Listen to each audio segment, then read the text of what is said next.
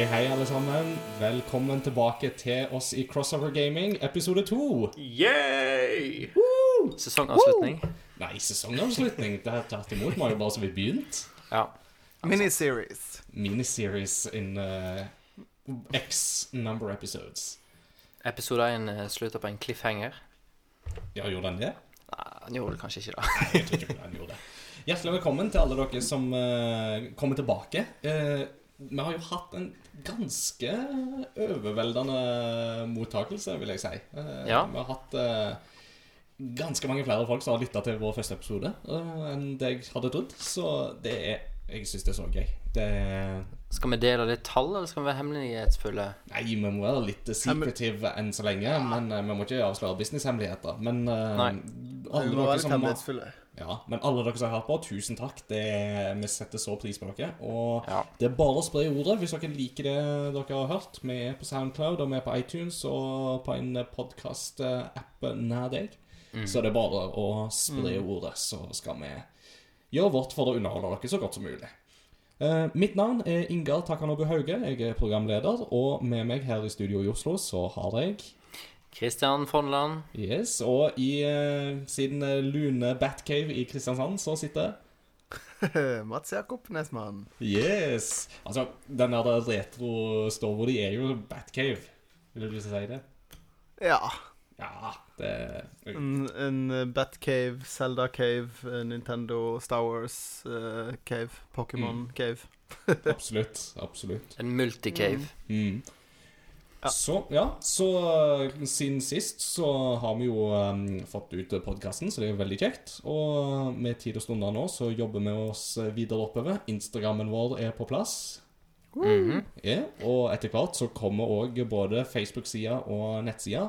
Mm. Vi må bare ha litt sånn um, logo og litt sånne designting på plass først. Så det er bare å være tålmodige med oss, folkens, så kommer det etter hvert. Men eh, sh- med, når crossovergaming.no er klar, så hører dere det her. Yeah. Yeah. Men uh, gå inn og følg oss på Instagram, da, på Crossover Gaming eller COG Podcast med C. Mm, Podkast med C, altså. Så det er gøy. yeah. Yeah. Så Store ting i vente der, altså. Yes. Nei, um, hva, hva, skal, hva, hva vil du si om deg sjøl i dag, Kristian? Er du i fin og fjong? Eh, formen er fin. Ja, Høsten er i gang. ja absolutt. Minusgradene er kicka inn i Oslo i dag. Så. Ja. Det var rim på gresset i dag når jeg gikk til jobb. Um, veldig lyrisk sagt, merker jeg. Ja, da, da, da gikk som en dans. Ja, Som jo for øvrig er blitt vår nye catchphrase. Altså Hadde det vært glattere, Ja. så hadde det gått som en isdans i dag tidlig. skal jeg si deg Men eh, yes! Let it go! Let it go! Kan du resten av teksten, Mats opp. Uh, won't hold it back anymore. Oi, oi, oi, han kan han! Men kan jeg skyte inn en gøy ting? Vet du hva den teksten er på dansk? Nei. La det ski, la det snø. Olsen Det er pa- Brothers det quality writing. Ja, jeg tenkte på det samme. Smukk som en stjerneskudd. Smukk som en stjerneskudd. For dere kids som ikke husker Olsen Brothers, ta og søk det opp. Det var Grand Prix-slageren Uber Alles fra Danmark som rundt årtusenskiftet. Ja, det var faktisk år 2000. Det var år vant 2000, ja, eh, faktisk. Så tenk det.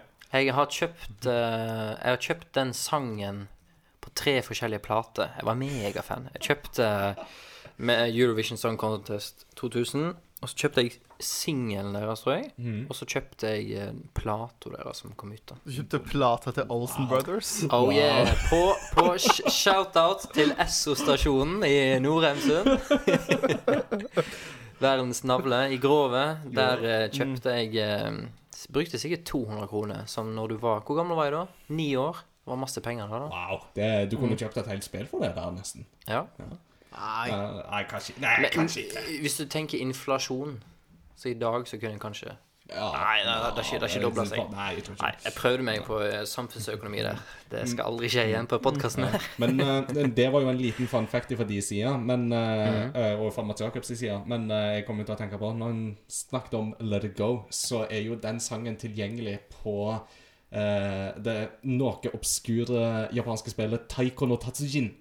Som, oh. eh, jo, som jo kommer på PlayStation 4 og um, Switch nå i eh, november-ish. Men kommer det med, med trommer? Eh, nei, det gjør det ikke, men du kan importere det fra f.eks. PlayAsia. Så kan du jo kjøpe det. Og, og på Switch-versjonen så kan du jo bruke joycons som mm, trommer. Så, eller som trommestikker. Så det er jo faktisk veldig kult. Men Ja, for det var litt sånn ja. eh, Jeg var i uh, Skriksnytt. Jeg var i Tokyo i fjor sommer, og da eh, var vi på en, en Taito Game Station-arkade i Mm. Akihabara, og da spilte vi eh, Mario Kart, eh, Arkaden, som for øvrig er helt fantastisk Mario Det er så gøy. Men sleeper-hiten ble jo når meg og eh, kompisen min Eivind eh, sto og spilte eh, Taiko no Tats- Tatsujin. Mm. Og bare det er, det er så gøy, og så er det så enkelt. Det er liksom Slå midt på tromma, eller slå på kanten av tromma. Så står du med to sånn kjepper. Mm. Og så er det jo fascinerende gøy å se eh, japanere spille music rhythm-spill. Mm. For det er jo, de er jo så flinke. Det er jo helt sånn alle, all. Hatten av til folk som har tid til å bruke det på Det kunst, å bli god i en altså. arkade.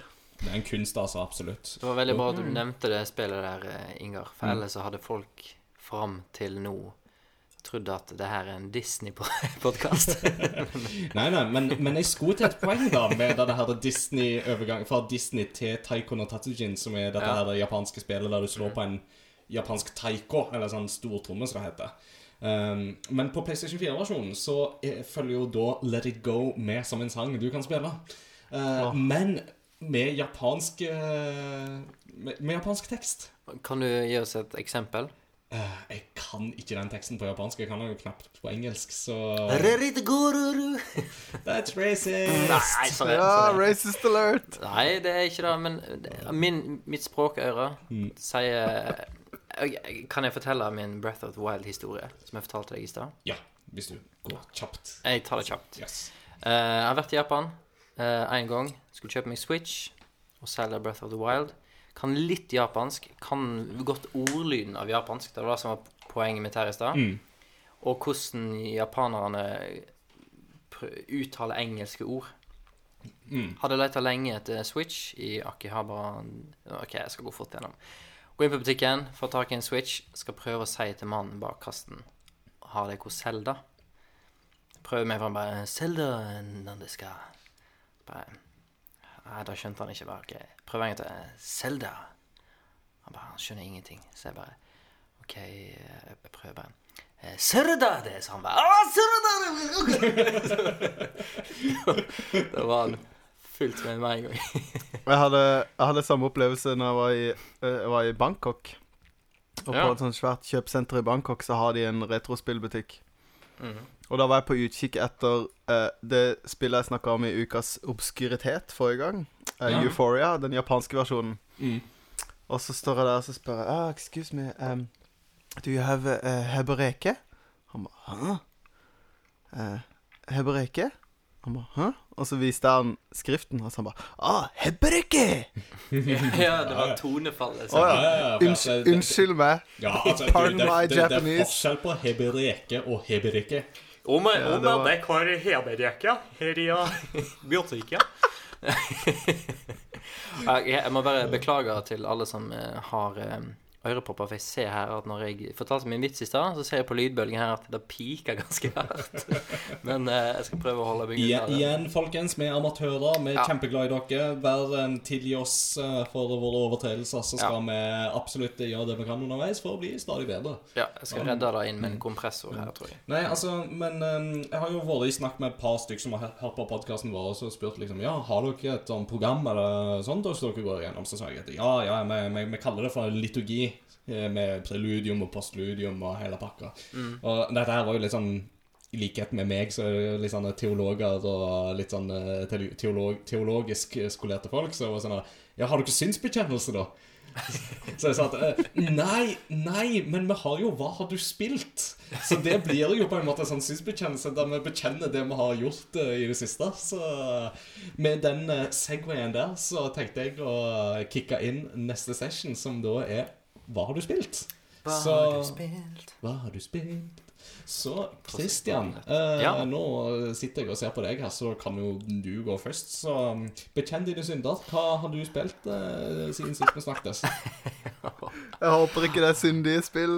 Nei, nå får jeg dårlig samvittighet. Det kommer an på hvem du spør. Det Det er jo de som vil si at alle spill Ja. Er Spilt sånn der eh, eh, Play- PlayStation Vita dating-sim, eh, japansk dating-sim-spill.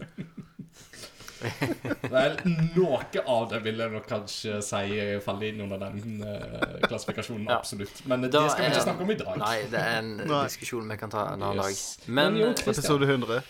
hva jeg har spilt Ja. Ehm, Jeg har spilt ehm, Jeg har runda Spiderman siden sist, men da snakket jeg litt om eh, sist gang. Nice. Eller jeg gjennomført storyen, da. Jeg har ikke 100 av det. Jeg har begynt å lure.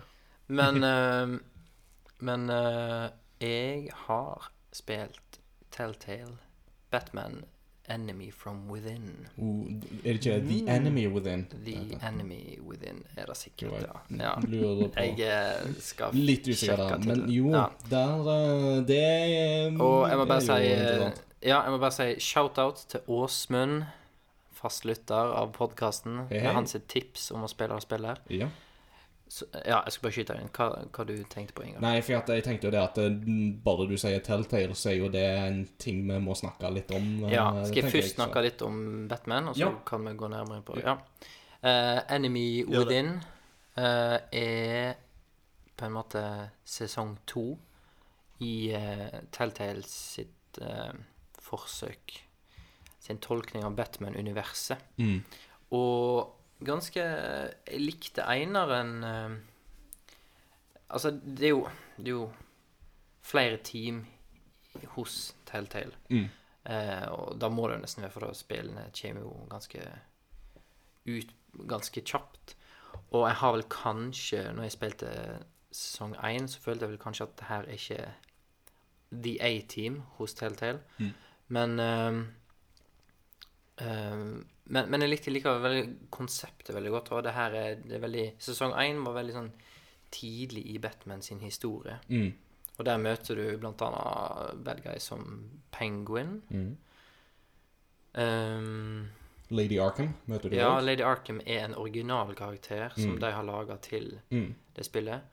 Men så møter du òg Du møter vel Eh, Scarecrow, gjør du ikke det? Nei Gjør du ikke? Nei. Da er det bare jeg som eh, blingser. Men du møter jo Catwoman. min- Catwoman er jo med, Catwoman, og der si. er det jo absolutt eh, spenninger eh, Ja. inne i bildet. Så jeg likte veldig godt liksom konsept, og det liksom de turte å gi sin egen vri og ta litt sjanser, da. Mm. Men eh, Og så kan jeg spoile litt fra sesong 1. Ja, altså for de som ikke har spilt Telltale Batman første sesong, da hopper dere et par minutter, Ja, og så det her, ja. Den spoileren som kommer nå, er da episode tre, cirka. mm, Episode fem. fire tror jeg er din spoiler dukker opp i, hvis jeg ikke husker feil. Nei, det er ikke en stor spoiler. Jeg bare skal snakke om en karakter Ja, som han dukker opp i episode fire. i episode fire. Ja. OK, spoiler incoming. Mm. Uh, I episode fire så blir du som Bruce Wayne satt inn i Arkham Asylum. Mm. Uh, for en del av den kampen som skjer i spillet, er ikke bare Batman sin kamp, men òg Bruce Wayne sin kamp. Mm. Er bad guys som begynner å finne ut at det er han som er Batman, og, eller de er ute etter Bruce Wayne av andre grunner. Du ender opp i Arkham Asylum, og der møter du John Doe. Mm. Som du skjønner med en gang i liksom ansiktsfarge og hårfarge at det her er Joker. Men en veldig tidlig og ung vers versjon av Joker. Og en veldig sånn Mm. ny versjon av Joker. Mm. Veldig, veldig spennende. Til nå, i sesong to Og jeg hadde en rap som lå på overflaten ganske lenge nå. Sorry. I sesong to så uh, merker du allerede i tidlig episode én, det er jo ingen spoilers, det her, da at de tar opp igjen den tråden, da. Og at eh, muligens at sesong to kan kanskje begynne å handle mye mer om Joker sitt opphav. Og i hvert fall Spiderman Spiderman, sier jeg nå. Batman eh, Nå må du holde DC Ja, og så Marvel separat lang, lang arbeidsdag. Ja. Eh, jeg har ikke kunnskap om Joker får en origin-historie i tegneserien? Gjør han det? Eller er han Han sånn får opptil flere. Uh, The Killing Joke er jo kanskje den mest kjente av Alan Moore og um, Ja. Jeg husker ikke tegneserietegner, men det er han samme som tegna Camelot 3000, for eksempel. Mm. Uh, men det er jo kanskje den mest eh, kjente av de. Uh, Ja. så, men, men det er jo opptil flere, og det er liksom fordi Joker er sånn en skøyer som du aldri Mm. kan stole på, så kan du ikke helt si med sikkerhet om noen av historiene er sanne eller ikke. Nei, ikke sant. Men, men jeg føler at den origin-storyen som han får her, er ganske en ganske sånn nøytral origin story. Han, han, er ikke en ekstremist, føles det ikke ut som det når du møter han i starten. Så det blir veldig spennende å se hvor Nå har jeg bare spilt episode 1, men hvordan Ja. de spiller videre på den, eh, Mm. Ja, Kult. i den retningen der. Ja. Jeg, jeg, jeg, jeg anmeldte jo det da det kom ut. Um, Ja. så, så jeg har jo spilt gjennom både sesong 1 og sesong 2. Jeg er jo stor, har jo vært stor Telltale-fan, selv om de har hatt sine feil og mangler med sin formel. Så Ja. har de likevel hatt et visste fokus på storyen som er um, veldig kul. Og jeg Altså Dette blir jo ikke å spoile mer enn det du allerede har sagt, men jeg elsker The Enemy Within sitt take på Joker-karakteren, eller John Doe-rollefiguren. Fordi Telltale er jo Eller var Vi må begynne å snakke om de i, Ja, ja, ja, i eh, nå. Eh, men du merker liksom hele tida når du spiller The Enemy Within, at dette er John Doe før han blir The Joker. Mm. Men kan jeg da med mine valg i det hele tatt forhindre han i å bli The Mm. Joker? Ja. For det er liksom sånn, altså du, du som spiller vet liksom hva verst tenkelige scenario her er. Det er jo det at han blir den drapslystne klovnen som Ja. vi jo alle kjenner, og som vi elsker og hater fra Batman-universet. Mm. Men her så får du jo da en pre-Joker-Joker. Mm. Og spørsmålet da er Kan jeg nå gjøre noe som helst for å forhindre det å havne der han Ja. havner? Og den dynamikken som oppstår gjennom hele sesongen fordi at du som spiller har det inne, Mm. det er kjempeinteressant. Det er en av de beste, mest kule takes på Joker jeg har hatt Altså jeg har sett siden Altså på flere år. Det er jo nesten for, for min del så er det kanskje liksom mest originale taket siden uh, Heath Ledgers uh, tolkning i 2008 Ja. På film. Så det er sånn Du får et sånn nytt, fresh take på det Ja. som er kjempeforfriskende i en tid der Suicide Squad har jo ødelagt eh, ja. det meste som heter DC Villains, liksom. Men det, vi, vi kan snakke litt i dybde om episode 1, for jeg Mm. føler det er litt sånn Da, da må vi OK. Ja. Eh, men for, for en av grunnene til at du, du sier det her, er jo fordi at du merker i episode 1 i sesong 2 at Oi, det virker som John Doe, altså Joker, eh, har føler liksom vennskapelig bånd til Bruce Wayne Mm. ut ifra ting som skjedde i sesong 1. Og da får du jo litt den der følelsen at OK, men hvis vi er kompiser nå Han Jeg kan ikke huske at han har kompiser, eller folk kan liksom bonde med annet enn en, en Harley Quinn på en Ja. rar måte. Ehm, så får du denne følelsen av at OK, men hvordan kan det her Det må jo skje et eller annet for at det her går galt. Ja. Og er det dømt til, til å gå galt, eller kan vi lage vår egen versjon av Og det er jo dette her med at uh, du merker det at han, han er på kanten til å liksom Du merker at han er ikke stabil. Han er ikke en veldig Nei. stabil uh, figur. Men det han kanskje trenger mest her i verden, er nettopp en god venn som kan sette grenser for ham, og som kan på en måte få han tilbake i samfunnet igjen. Men så er jo det der spørsmålet skal du være den vennen. For at hvis du da blir venn med han på grunnlag av det, så er jo ikke det nødvendigvis et ekte vennskap. Da er det mer en sånn sympativennskap som ja, du, altså, du blir litt venn med han fordi du syns synd på han, men du blir ikke en venn med han fordi du har et oppriktig godt vennskap med han, sånn som Nei. vi tre har med hverandre.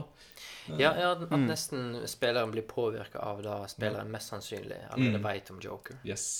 Så eh, absolutt anbefalt det, da, altså, Mm. fra, fra min side. Og sjekk gjerne ut anmeldelsen min hvis dere er i eh, tvil på gamereactor.no. Så Ja. eh, finner dere den der. Do it. Men det bringer oss jo inn på noe som eh, vi gjerne Yes. Kan Men, prate litt om. mm, folkens, vi må snakke litt om Telltale.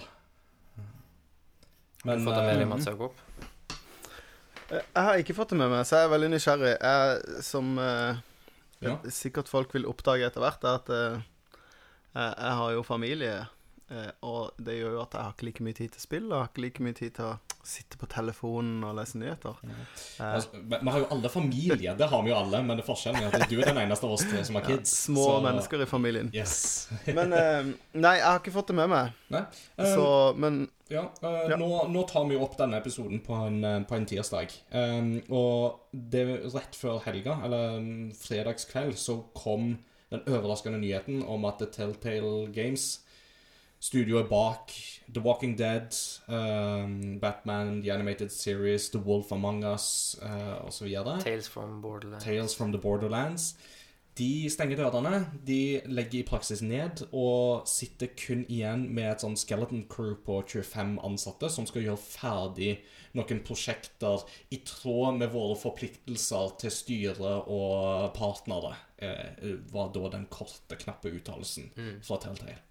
Eh, Ca. 250 ansatte må, fikk beskjed om at de må bare Sorry, vi, eh, vi har ikke mer å gå på. Vi må stenge.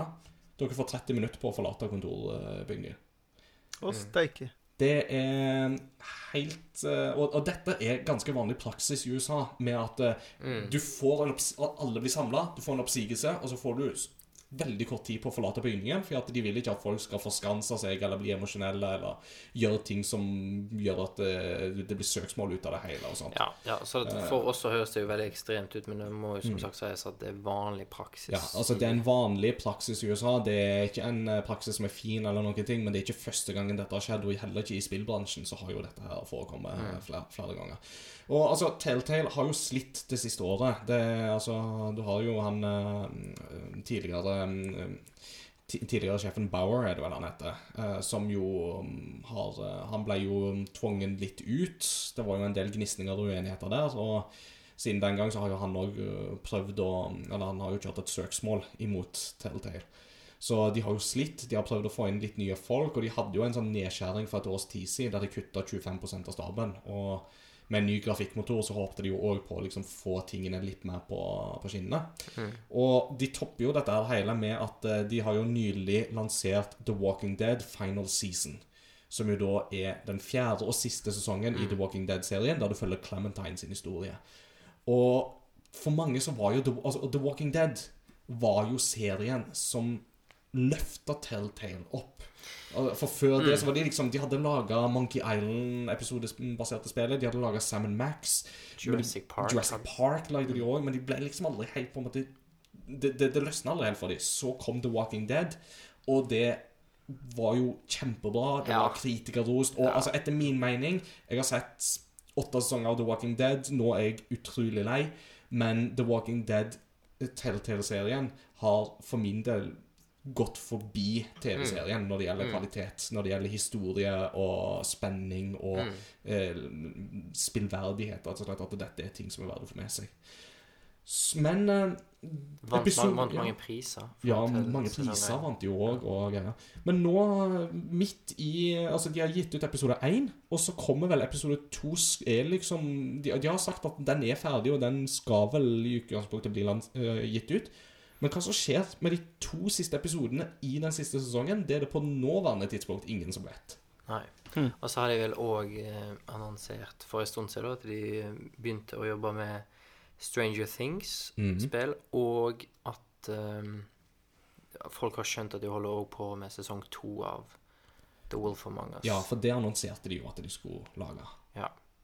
Men det blir det da ikke noe av. Um, det, Netflix kan likevel finne på å lage en Stranger Things eh, se- et, eh, et spill. Um, det har de sagt, men um, det blir ikke noe av. Og dette her er skjelett, altså dette her lille grunnmannskapet som blir stående igjen eh, hos Telltale inntil videre, de på 25 stykk, de skal da ikke jobbe med The Walking Dead. De skal jo da jobbe med å være type sånn konsulenter og sånt inn imot Netflix, fordi Netflix skal lage en serie basert på Minecraft Story Mode, som jo var et av disse spillene som eh, Telltale lagde. Så det er det, og det er den forpliktelsen overfor styre og partnere som de snakket om i denne pressemeldinga si. Så det er jo vanvittig trist. Uh, og det er, Ja. liksom, det, det er jo ikke første gang det, altså, sånne ting skjer. Og, men det er liksom det med at det, det er midt i ses siste sesong av den serien som løfta Telltale til det nivået vi på en måte Ja. lærte de å kjenne. Jeg tror for min del, hvis ikke hukommelsen min spiller meg i puss, så Og eh, hukommelsen din som en dans. På slutten av dagen, ja. eh, um, så tror jeg kanskje det er første gangen det skjer med et selskap som har laget et spill som jeg har, sjøl har en emosjonell tilknytning til. Mm. Eh, og jeg tenkte Altså litt sånn for å hedre Telltale, da. Ja. Har, har du, eh, Mats Jakob, spilt eh, et Telltale-spill? Jeg har ikke spilt noen Telltale-spill. Telltale, Telltale. Uh, men det jeg har uh, um, Når det første Walking Dead-spillet kom, Mm. så var jeg veldig, veldig investert i en podkast som heter uh, um, eh, Oi, jeg har glemt hva den heter, til og med. Det var jo skikkelig jernteppe. Jeg har hørt, hørt alle 250 episodene. Eh, den het så mye som uh, uh, Det er kjempeflaut. Skal jeg finne ut av det veldig fort? Uh, den het så mye som Old Gen Gamers, heter den. Den fulgte jeg med på, og der Når den kom, første episoden kom, så begynte de å snakke om den. Og da var det sånn Han ene hadde ikke spilt det, og så var de sånn Ja, ikke si noe. Mm. Så jeg fikk liksom med meg hele den oppbygninga Mm. Uten å spille det. På det tidspunktet så, så var det bare download-spill. Ja. Og jeg hadde en 360 som jeg hadde fått donert, som har snakka om før. At jeg, jeg har ikke kjøpt de sjøl. Jeg fikk donert en av min venn Sindre, eh, som syntes at jeg burde ha det, for han kjøpte ny. Han hadde eh, eh, chippa den, sånn at han kunne ikke Så da hadde han blitt banna fra live. Så han kunne ikke gå på nett. Oh. Så jeg fikk ikke lasta den ned heller. Nei. Eh, så jeg fikk ikke spilt det, men jeg syns det var veldig gøy å høre de fortelle om det. Ja. Og, og at det var liksom Ja, point and click. Litt sånn renessanse på point and click, da. Mm. Ja, for det, er jo det, for det er jo det de har spesialisert seg på. Ja, og eh, når du Jeg visste ikke at det var de som lagde den Seven Max-remaken, heller var det den som var på, kom på Wii. Eh, ja, den kom i alle fall Altså, det var iallfall de som lagde den. Om den kom på Wii eller ikke, det er jeg litt usikker på, men den kom jo Det til kom, et, flere det kom et Sam Max-spill på Wii, iallfall. Men Ja. eh, det kan godt hende at det var et annet et. Mm. Men uh, Nei, så jeg fikk liksom fulgt med på det. Jeg fulgte med på, på liksom den utviklinga, og det virka spennende. Men, men jeg har aldri vært noen sånn zombie-fan, sånn at det, selve liksom Walking Dead-serien har liksom aldri appellert til meg. Ja. Eh, men jeg har liksom stått med det i hånda på GameStop en million ganger og vurdert om jeg skal kjøpe det eller noe annet, og så ender jeg ofte opp med å kjøpe noe annet, fordi at Mm. jeg vet ikke om jeg kommer til å Mm. synes det er gøy pga. liksom zombiepakka, da. Ja, ak akkurat uh, Kan jeg skyte inn her? Mm. Akkurat uh, Akkurat Walking Dead, Telltale sin tolkning av den verden, føler jeg handler veldig lite om zombier. Ja, zombier er grunnen til at det er apokalypsestemning og snakk om å overleve, men Mm. det er ikke det som er fokus i det hele tatt i i, det, i eh, sesong én, i hvert fall. da Nei, det er det jo ikke. Og, altså, jeg, jeg tenker jo det at The Walking Dead er jo på mange måter en slags sånn der det, Altså, De henter jo veldig mye inspirasjon fra westernsjangeren. ikke sant? Så det er jo veldig mye at de Ja. på en måte altså lange, vent, altså lange sekvenser der det skjer veldig lite, og det er på en måte en fokus på på en måte dialog som ikke nødvendigvis sier så masse direkte, men at det er veldig mye indirekte kommunikasjon og nonverbal kommunikasjon inne i bildet òg. Um, og for point and click-spillet sin del så er det jo òg dette her med at det er jo òg et spill der de får veldig godt til dette her med valg. Eh, Altså at du må hele tiden foreta valg. Og det passer veldig godt inn i dette her The Walking Dead-universet, der jo samfunnet kollapser, og alle disse her overordna organene vi har for å ivareta vår moralske standard, altså enten det er politi eller det er Altså Enten det er politi eller kirke eller hva det nå måtte være. altså alt, Alle de strukturene kollapser jo litt, og da kollapser jo òg en del av de der moralske strukturene. Samtidig Ja, som at han, var- mm, samtidig som at han òg har jo dette her med at er en alene, så har han jo mindre sjanse for å overleve, men du kan jo ikke stole på noen folk før de backstabber deg. Så Ja. Og, og det var på en måte det jeg syntes var spennende med det de fortalte i den podkasten. Og det var veldig sånn, det gikk over veldig lang tid, og det var liksom Og så plutselig så var det ikke noe sånn Ah, ny episode! Og mm, eh, eh, eh, Det var det som virka spennende, da. Og de, de, i, den pod, i den perioden i den podkasten så var det sånn eh, Vi venter helt til slutten av podkasten, og så sier vi ha det, og så snakker vi om Walking Dead, sånn at de som ikke vil høre noe, ikke trenger å høre på. Smart. Eh, eh, men det var veldig gøy å høre de snakke om det. Og bare ah, 'Det valget der, og hva gjorde dere?' Og 'Der måtte jeg ende opp.' 'Ja, jeg kutta armen til han', og, eller, eller sånn. 'Jeg drepte han, og jeg drepte ikke han', og liksom Mm. Veldig, veldig kult å høre at du hadde liksom en fire-fem folk som på en måte hadde helt Hadde hver sine uh, Gjorde ulike valg, da, og at det liksom Mm. Og i diskusjonene i ettertid så er det jo ofte sånn at man sitter jo og blir jo diskuterende hvorfor en gjør de valgene en tar. Og da blir det jo plutselig sånn at du må vekte ulike etiske grunnprinsipp opp imot hverandre, f.eks. Og det er jo kjempespennende. Eh, så jeg vet jo at uh, The Walking Dead har jo annet blitt brukt i, R- altså i KRLE-undervisning. Eh, jeg lurer på om det er Nordahl Grieg videregående i Bergen som har brukt det. De vet jeg har jo vært litt sånn på hugget med å Spiller, bruke spill i, i undervisningssammenheng. Og da har de brukt The Walking Dead i KRLE-sammenheng for å diskutere nettopp dette her med etikk og moral. Om at OK, folkens, nå står vi overfor dette valget. Hva valg skal vi ta, og hvorfor vil du argumentere for at vi gjør det valget framfor det andre valget? Ja. Eh, så der har du jo på en måte Makten i den serien ligger jo nettopp i det, syns jeg. Eh, Ja. Og gjør det jo desto surere hvis dette ikke blir avslutta. Men uh, de, altså, hvis de to siste episodene ikke kommer. Men det kan jo hende at det ny informasjon er ute før episoden er, Mm. er lansert, så vi får eh, kryss, kryssa fingrene og vente i spenning. Må bare satse på det. Ja. Ja. Men jeg, jeg syns, jeg syns ja, som du sier, det story- og liksom valgaspektet av, av spillene virker kult. Men, men, men de har ennå ikke liksom lagd noe av en serie som på en måte interesserer meg fra før av. Mm.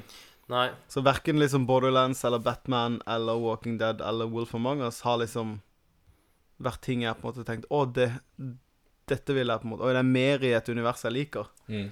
I motsetning, Og- ja, I motsetning til meg, som både har likt The Walking Dead, Batman og Fables, som jo The Walking Dead er basert på. Så Ja, ikke sant? Er Wolf Among Us um, Ja. ja, Wolf Among Us er jo en, eh, er jo en forhistorie til tegneserien Fables av Ja. eh, Bill Williamson. Men Ja. det, det jeg på en måte likte med Eller det som på en måte fikk meg til å tenke at jeg egentlig hadde lyst til å spille de Walking Dead-spillene, var jo at det var basert på tegneserien og ikke Mm. TV-serien. Mm. Ja. Og tegneserien er, har en litt annerledes karakter. Det er ikke så Det er liksom ikke Hollywood på noen måte i den tegneserien. Det er ikke skapt for å sjokkere nødvendigvis.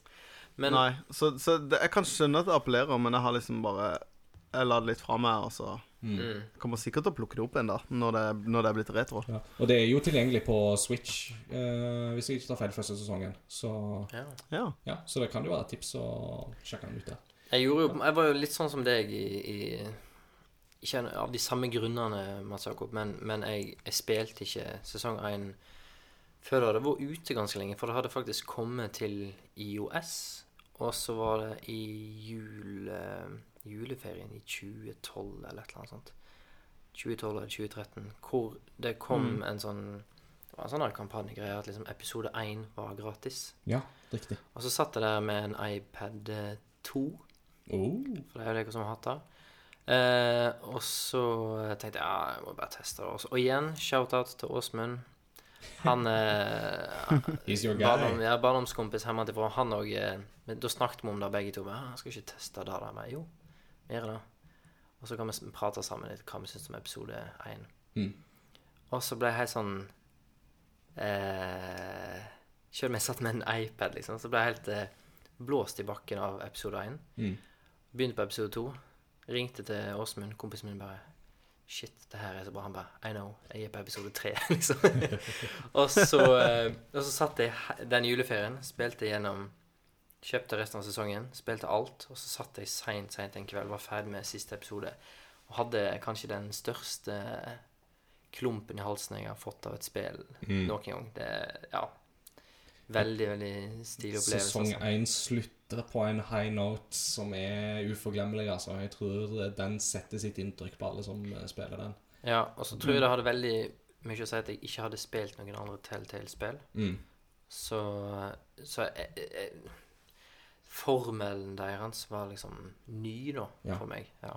Det var på den tiden den fortsatt føltes ny, og så ble jo denne gjentatt veldig Altså, de fant jo suksessformelen der, men den ble jo kanskje òg deres bane, fordi at de brukte jo den ganske slavisk videre òg, selv om de prøvde å gjøre noen nye ting her og der, så var det jo en sånn formel de fulgte relativt slavisk. Og det Folk ble jo litt lei av den, dessverre. Og det var jo pga. lave salgstall til slutt at de nå ikke hadde penger til å fortsette.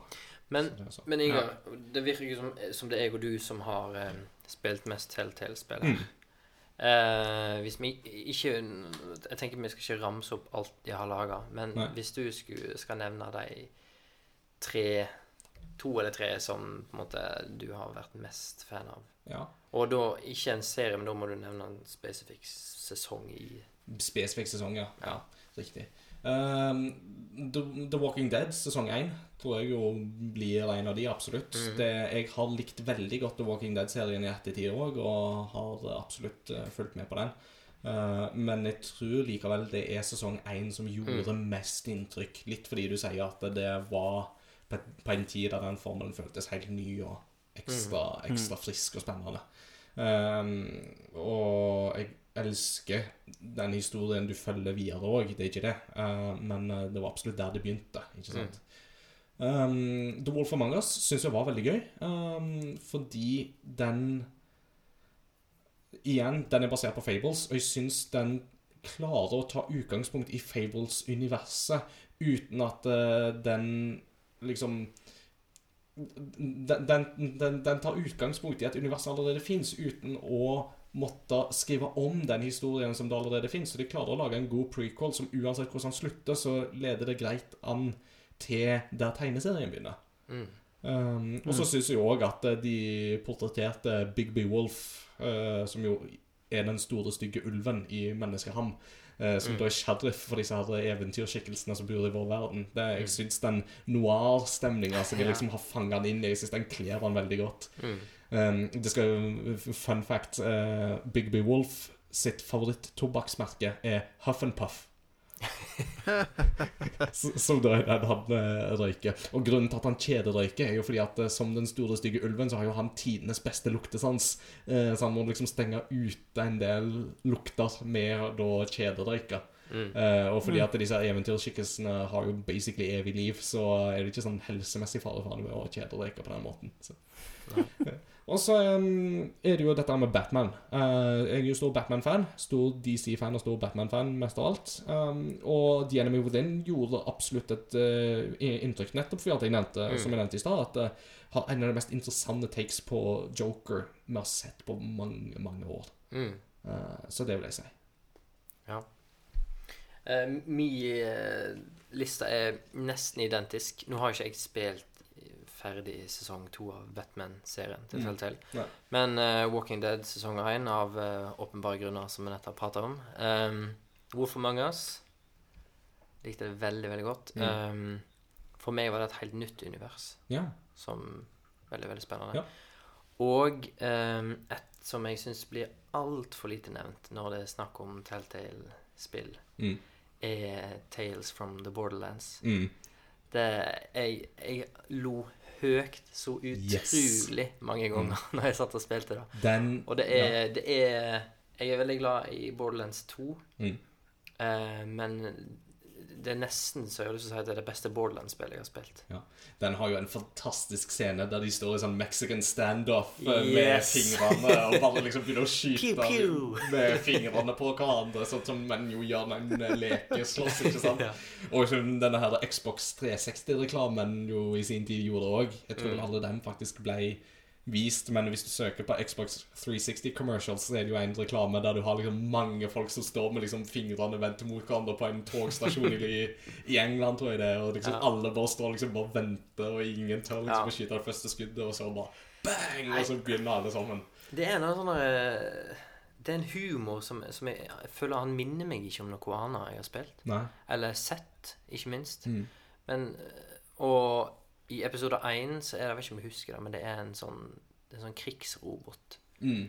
For du jobber jo i start, Du jobber jo for det onde selskapet her, da, Mm. som heter Hyperion. Ja. Og så blir du vel Du er nede på jordet, og så blir du redda av en sånn krigsrobot. Hyperion krigsrobot. Og disse robotene kan snakke, og den roboten har, har av en eller annen grunn fått programmert en vanvittig humor. Så han driver liksom bare og joker og spøker mens han liksom tar disse eh, fiendene som du har møtt på.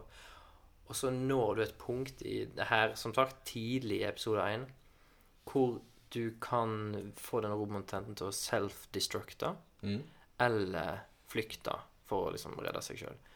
Og du må få han til å flykte, for da, da kommer han igjen i spillet. Og han, det er en så morsom karakter at det er liksom det er verdt det bare i seg sjøl. Men eh, ja. Ja. Det var min liste. Yes. Så skål til uh, Telltales minne. Det Ja. blir en Red Bull og en kald kaffe. Det blir det. Vi løfter våre glass til minne til Telltale Games. Takk for alt dere ga oss. Det var hyggelig så lenge det varte. Og vi håper at alle de ansatte får, eh, tidligere ansatte får seg gode løsninger.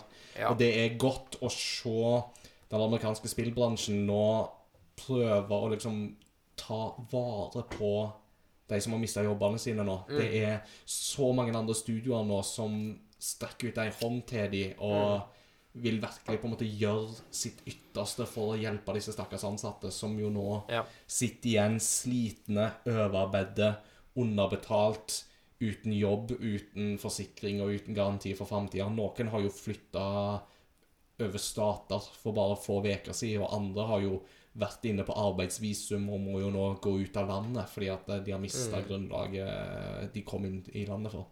Så Ja, og vi for- håper virkelig at det ordner seg, altså. Ja, altså forhåpentligvis Det som ofte skjer i spillbransjen, er jo en Og dog ofte hvis det bare er en mildt populær eh, em, Mildt populær um, lisens. Mm. At uh, ting blir kjøpt opp, og så blir det laga en toer eller en treer. Eller det er liksom Det betyr ikke Ikke at det her skal melkes, men det betyr ikke at yndlingsserien din går tapt. Nei. Nødvendigvis. Nei. Nei. Men vi får se hvordan eh, det går. Mm. Um, så det var Telltale. Det var Eh, en det var en lang lang, historie om lang historie om. Telltale, men jeg tror ikke vi kommer utenom det nå når vi tar opp den episoden. Men eh, har du, har du kort Har du spilt noe annet uh, siden sist? Um, har hatt besøk av min bror. Shout-out til André. Det her blir jo shout-outens konge her borte. Eh, og når eh, vi var små, killer, så, eh, hadde, så hadde vi Super Nintendo. Yay! Og jeg har kjøpt meg en SNES Mini, yeah. eller en Classic Mini. Mhm. Eh, så han var på besøk fram til i dag. Så i går kveld så satt vi litt grann og spilte Super Mario Kart. Eller det heter, heter Mario Kart? det heter Kart. Super Mario Kart. Ja, det er riktig. Mm. Og det var altfor vanskelig. Det er Jeg må ha vært sant. dritgod Ja. da jeg var liten. Det er et ganske krevende å gå tilbake til. Altså, Den Mode 7-chipen og alt var jo revolusjonerende back in the day, men den er veldig uvant å gå tilbake til i dag. Ja, det er du- nesten så du blir litt sånn motion Ja, sickness. særlig eh, når du har blitt vant til Mario Kart 8, som jo er så glattpolert og 60 frames eh, Altså Mm. 60 bilder i sekundet og hele pakka. Så. Ja. Yes. Men gøy Det- var det. Ja. Hva sa du? Det er festlig med, med Super Mario Kart, for det, eh, det, ja, det, er, det er veldig lite forskjeller på den japanske og den vestlige releasen. Mm.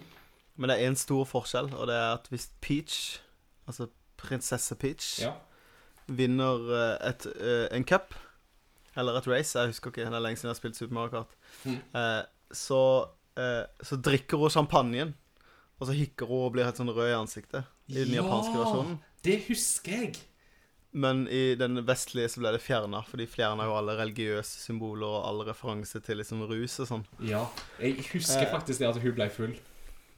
Ja, så det er veldig sånn Drikker med begge hendene som et sånn lite barn som drikker en stor colaflaske. Det er veldig morsomt å se på. Det var veldig viktig, kjenner jeg nå, for meg som um, som tiår at jeg ble spart for de sterke bildene der. Yes. Det er Ja, ja. Nintendo gjorde alt riktig. Ja, ja, ja. Det er helt, helt uh, Skal ikke krangle på det.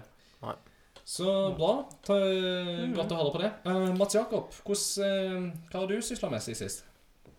Du, eh, jeg har ikke spilt noen, eh, noen flere TV-spill siden sist, så de samme TV-spillerne er det samme, men eh, Men jeg har fått eh, meg og min venn, gode venn Christer Vi har hatt et sånt av og på-forhold til eh, Pokémon-kort. Helt siden vi var små barn. Meg og Christer har kjent hverandre Jeg har en vennegjeng fra Kristiansand som vi har vært venner helt siden fjerde-femte klasse. Eh, så vi har begynt å spille Pokémon-kort igjen, og jeg har da begynt å spille eh, Pokémon Trading Card Game Online. Oi, oi, oi. Som er et uh, uh, Ja, det er liksom down the rabbit hole you go. For det at du kan jo kjøpe online booster packs. Oi, oi, oi, never oi, saw him again. Det er mikrotransaksjonsmarerittet uh, til tusen, Eh, det der. Ja, jeg har klart å la være eh, frem til nå, fordi at jeg har kjøpt fysiske booster packs. Og der får du med en kode til online booster packs. Oh, ja. uh, men det er jo bare Det er jo vanvittig, vanvittig gøy. Og Mm. har begynt å se på Begynt å se på VM på YouTube i Konge. Pokémon-kort, og det er bare helt sånn Det er, det er så, de er så Og, Ja, de villeste strategiene er litt sånn der eh, det er, Ja, det er helt absurd å se på. og, og la, la, la meg bare spørre, du spiller det sånn skikkelig? Det er ikke sånn der skolegårdsmentalitet med at du bare bytter Pokémon-kort eh, sånn Å, eh, nei, herlig land. Nei, nei, nei. Nei, nei, du bare spiller. Så meg og Nice. Christer bestemte oss for at uh, eh, eh, For vi har både de gamle kortene, altså første eh, generasjonen med kort, Mm. uh, og den siste generasjonen. Så vi har liksom eh, Men Christer har eh, vært eh, tatt oss og eh, Vært eh, en tur innom internett og kjøpt liksom Kjøpt kort av den gamle, til de gamle, sånn at han kan lage bra deks. Mm. Det har ikke jeg gjort ennå. Vi har blitt enige om med de nye Sun and Moon-kortene, så har vi bare lov å kjøpe ferdige deks, sånn du kjøper sånn du gjorde da du var liten, sånn du fikk 60 kort Ja. Mm. eh, eh, og- av liksom fire type, og så eh, Det er lov å kjøpe det, og så er det lov å kjøpe booster packs. Så vi har ikke lov å gå på nett og kjøpe kort. Så vi er liksom litt sånn på nåde med det vi får. Mm. Og da blir det plutselig litt mer sånn hva skal jeg si, likt, da. For det da er det liksom, hvis ikke så er det jo bare hvem gjør mest research, og hvem gidder å betale mest penger for bra kort. Mm. Eh, men det er veldig, veldig gøy, så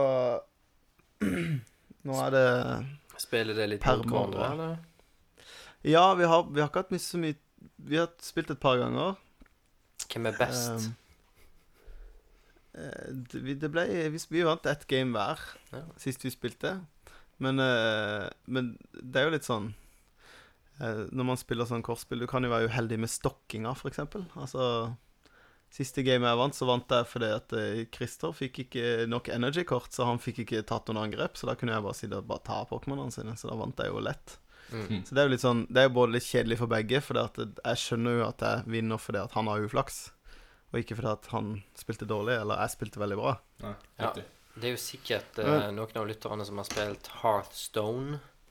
Og Ja. der, der, får du der får du energi per runde, men det virker sånn som Pokémon Trading Card Game er lagt opp at energi er et eget, en egen valuta, et eget kort som du må trekke da òg. Mm. Og så Ja. kan du bare legge ned én hver runde. Ja, og så er det vel forskjellig energi, litt sånn som Magic the Gathering, ut ifra hva Pokémon du har. Ja, det er liksom, det er liksom land, landkortene i, i, i, i Magic, ja. Mm. Alle, eh, og det er jo Det er jo Wizards of the Coast, de som lagde Magic. Det er jo de som har lagd Lagd Pokémon-spillet. Det er ikke de som lager kortene nå lenger. Men eh, det var jo de som lagde de originale kortene. Ja, de og, eh, designer grunnfundamentet. Ja. ja. Mm. Så det er jo Det er jo på mange måter ganske likt som Magic, men, men Mm. eh, jeg hadde en kollega eh, i fjor som heter Bjørn Olav, som var veldig veldig god i Spilte mye Magic. Mm. Eh, og han Det var han som fortalte meg at de lagde det egentlig bare for å rekruttere barn til å spille Magic. Ja, ok. Altså, men det, Det det var litt feil, fra- litt feil franchise å prøve å få barn til å lokke de inn til et spill, for så å få de til å bytte franchise. Ja.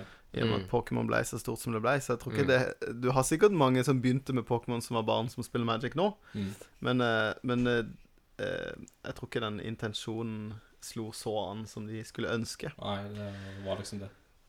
Mm. Men nei, det er veldig, veldig gøy å spille Pokémon-kort. Og så eh, en annen ting jeg har gjort eh, siden sist Nå snakker jeg litt om jeg har gjort, siden jeg ikke har fått spilt så mye spill. Mm. Men er eh, jeg eh, begynte å Jeg er veldig glad i å gå på bruktbutikker. Ja. Og da Jeg var jeg på en bruktbutikk, og så kom jeg på en YouTube-video jeg hadde sett en gang med en fyr, en svenske, som gikk i sånn tegneseriebladbutikker for å se etter eh, tegneserier som på baksida av gamle Donald-blader, så var det ofte reklame Ja. for enten leker eller TV-spill. Mm. Så jeg var på, hadde god tid, var på en svær bruktbutikk her i Kristiansand, og så bladde jeg meg gjennom alle Donald-bladene de hadde, for å finne Donald-blader med TV-spill og eh, actionfigurreklame bakpå. Eh, så det er veldig, veldig gøy. Så da fant jeg um, et par eh, med He-Man-reklame. som Du snakka jo litt om He-Man Ja. i forrige episode, Christian. Mm. Og He-Man var det Eh. masse reklame for på 80-tallet i Donald, husker jeg. Ja, Mm. og jeg fant blant annet en helt fantastisk en. Det er bare to seks skal jeg gå og hente den kjapt. Så jeg kan lese på den. Det var helt nydelig.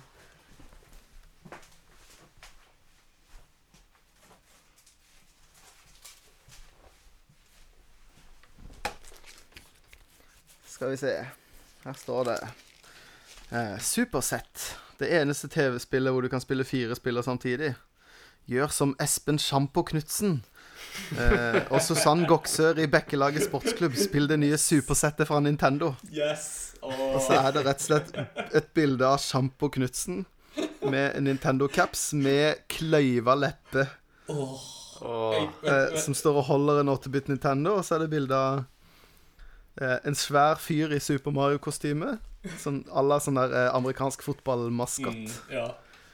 Eh, Nydelig. og så er det da, sitter det fire hockeyspillere og to hå- håndballspillere fra backlaget og spiller. Er det sært at jeg faktisk husker den reklamen? Jeg husker Det er veldig Jeg gøy. vet akkurat hvordan den ser ut. Så gammel er Ja. jeg. Men det var og så, Ja, så det var på et Fantomeblad, da. Mm. Og så fant jeg eh, en eh, Det var flere enn samme, da, med liksom TV-spillet alle snakker om. Som er liksom da Super Mario 3-reklame. Nå er Super Mario 3-kassetten ankommet din butikk. La på kjapp. Altså, vi må jo ha en bilde um, Et fotoalbum eh, på vår kommende Facebook-side, i hvert fall. Mm. Hvor vi legger ut litt av disse gamle Ja, vi, jeg kan legge ut noen av de bildene, bildene de her på Instagram. Yes. Og så Ja, har du den Masters of the Universe. eh, 50 kroner kosta Castle Grayskull på et tidspunkt. Som nå koster mange hundre kroner. Det er Nei, nei, nei, nei. Det er mange tusen. Mange tusen koster det. Ja, det kommer litt an på Ja, stand i hvert fall i den der eh, eh, eBay-greia jeg kom De er, de er jo litt sånn hypa, de sånne ting, er det ikke det? Jo, Men, men eh, da, det var jo et komplett sett, da. Ja. Og da Ja, det er nok litt annerledes. Og så fant jeg til og med en Sega Master System 2-reklame. Oh, Oi. Som selges over i ledende leketøysforretninger og Spaceworld over hele landet. ja. Vi får bare stikke ned på Spaceworld, folkens. Reklamen sa Og det. så, Du er og så står det her Christian, det her er uh, Segas, eller Master System sitt slogan. da Jeg vet jo at ditt er ting går som en dans, men her står det 'Spill med Sega, det er mega', står det. Wow. Det er jo faktisk en ganske bra variant av Sega Does What Nintendo Don't.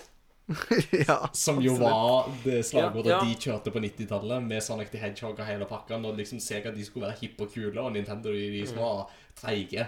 Så da var det Sega Does What Nintendo Altså, en, en kan si hva en vil om det slagordet, men det er et bra Det slagord. er kjempebra. Ja. Det er Men- fantastisk. Men Sega- det. Men Sega, det er mega. Altså, Nei, spill med Sega, det er mega. ja, altså, altså hvem Hvor mange tror du satt i den reklameavdelingen der og liksom pressa Ja. ut den Men eh, altså, det Hei, det, det, det kunne vært verre. Jeg, jeg tipper det var ei tante i Brio som solgte det i eh, Skandinavia, som satt der og fant ut at Spill Ja. med Sega, det er mega. Ja, det holder bra. ja. Og så er det jo litt sånn der det Reklame for Master System. Det hadde vært noe annet om det var reklame for Megadrive. Ja, for det, jeg, jeg har satt og tenkte på det. Uh, Så det litt sånn ekstra Det er ekstra merkelig, syns jeg, da. Men det er veldig gøy. Og så er det uh, Det er liksom ikke reklame for et Mickey Mouse-spill, men på Men det er liksom en Sega Master System med Mickey Mouse bak. Ja. Det er, merk, det er en merkelig reklame, altså. Jeg skal Men- legge ut bilde, så dere du må, kan jo se. si, må, du må jo si da at det her tanta på Brio, som du jo så for deg, eh, må, var jo forut for sin tid, da, hvis du hadde spill med Sega, det er Mega, og dette var tida før Sega Mega Drive kom ut. Ja, men jeg vet ikke om Altså Profetiske Sjekke når det bladet her kom ut. For Megadriven kom jo ut i 89. Ja. Ganske mye lenger før eh, Skal vi se Det Donald-bladet her er fra 91. Ja, men da var Så Megadrive var jo ute. Men var den ute i Ja, for den var vel ute i Europa òg på det tidspunktet, tror jeg. Ja, Så- Super Nintendo. Det her er desember 91. Da var jo Super Nintendo ute. Ja. Mm. Nei, kanskje, det- kan, kanskje hun ikke hadde den profetiske nådegaven likevel? Det får vi diskutere i det teologiske segmentet av podkasten. Ja. Ja, det kan Neste episode. eh, Behind the scenes. Yes. Ja. Men, uh, men uh, Men en annen ting jeg gjorde i sammenheng med dette her, da Ja. og egentlig, For jeg har litt andre tegn Jeg har noen gamle Star Wars-tegneserier og noen Turtles og sånn. Var at jeg var på Outland, og så kjøpte jeg sånn tegneserieplastlommer og sånn tegneseriepappbakgrunn. Mm. Sånn at eh, nå er de liksom kan man på en måte liksom stille det litt ut. For det opprinnelige tanken min var liksom å finne den i reklamene og så liksom tapetsere en vegg med det eller noe. Men nå, det er jo mye gøyere å bevare bladet, selv om jeg egentlig ikke er så veldig interessert i desembernummeret av Donald Duck Co. fra 91. Å, men det har jo kjempemange gode historier, har du ikke det?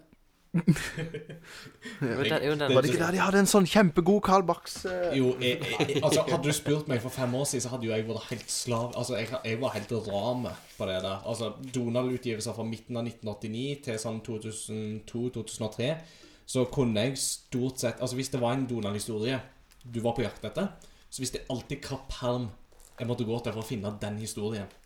Så Ja, for du hadde sånn samleperm, Ja, så jeg visste ikke nødvendigvis akkurat nummeret. Men vi hadde jo sånn to eller tre permer per, per årgang. Og da visste jeg alltid hva perm jeg måtte gå til for å finne den og den historien.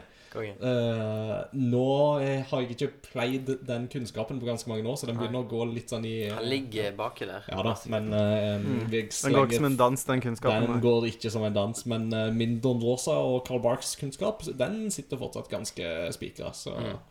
Men Mm. før vi går til uh, Det her ble en veldig lang Hva har du spilt i siste Yes. spalte. Men Sorry, før vi går til deg, Ingar Jeg husker ikke om vi nevnte det her i siste episode, eller om vi nevnte det i to av de episodene som ble skrinlagte. Men vi har uh, Har vi fortalt om den Stevie Wonder-segerreklamen?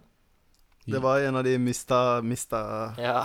mista episoder. Men det er, det er jo ikke Sega, det er Atari. Det er Atari. Men- ja, ja, Ja, ja, nå roter ja, jeg. ja, ja. Nei, men jeg, da- jeg gjorde samme feilen der og da, husker jeg. Da sa jeg Sega. Men i hvert fall, det er en Atari Det er jo så uetisk, men det er en Atari-reklame med bilde av Stevie Wonder. Og så med liksom solbriller og ser litt sånn ut i lufta. Og så står det. Ja, og så står det Sorry. Og så står det um, I, don't, I don't play video games, but if I did, you bet I play Atari!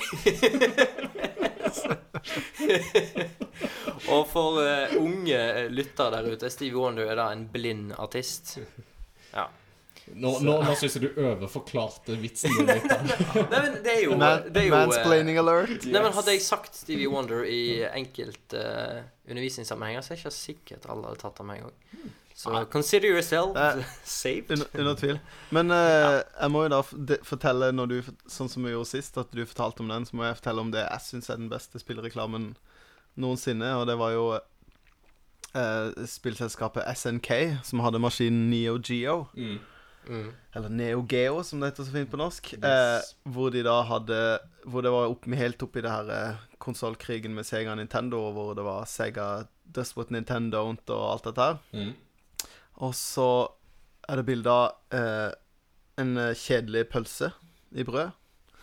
Og så står det eh, If you play Nintendo or Sega, you're a real weenie. Eh, but if you play the Neo Geo, you're a real hot dog. Og så er det bilde av en sånn svær pølse med masse liksom rekesalat og agurkmiks og sånn. Og det er så deilig når du på en måte For den maskinen var jo helt absurd mye bedre enn alle de andre, for det var jo i praksis en arkademaskin du kunne ha hjemme. Ja, ja. Men det var jo spinndyr. bare Ja, men at de, de på en måte i praksis egentlig bare pissa på en hel konsollkrig med den reklamen. Det var ikke bare det at det er sånn Drit i de her to. De er bare sånn Det er sånn fjerdeklassinger som slåss. Ja. Du må se på Mike Tyson. Liksom. Mm. Men, Altså, men, og, og den var, men den kosta jo sånn 6000 kroner, eller noe sånt. Og det var jo langt mer enn det de 6000 kronene som PlayStation 3 kosta da den kom ut i 2006. Eller 599 US dollars, som jo, den, eh, jo ble annonsert for eh, på, eh, på E3-messa. Oh. Så had, hadde du noe som heter Neo Geo Master Race på den tida? Som PC Master Race i den dag i dag. Jeg tror, jeg tror man har det i dag. For du har noen folk som bare er sånn Neo Geo-nerds. Purister. Men uh, Ja. Men uh, apropos det med PlayStation og pris. Det var jo eh, Sega eh, Når Sega, Sega fikk høre at eh, At eh, Nyss om at PlayStation skulle annonsere sin kon nye konsoll, 32-bit-konsoll eh, Eller Sony skulle lansere, de visste jo omtrent ikke hva han hette. Mm. Eh, så, så rusha Sega så sykt å få ut eh, Saturn. Så de hadde sånn surprise eh, overraskelseslansering av den i mai Var det 96, tro? 95? 95, tror jeg det. Så det var bare sånn De annonserte det, så bare Den er i butikken nå! Mm. Du kan kjøpe den nå.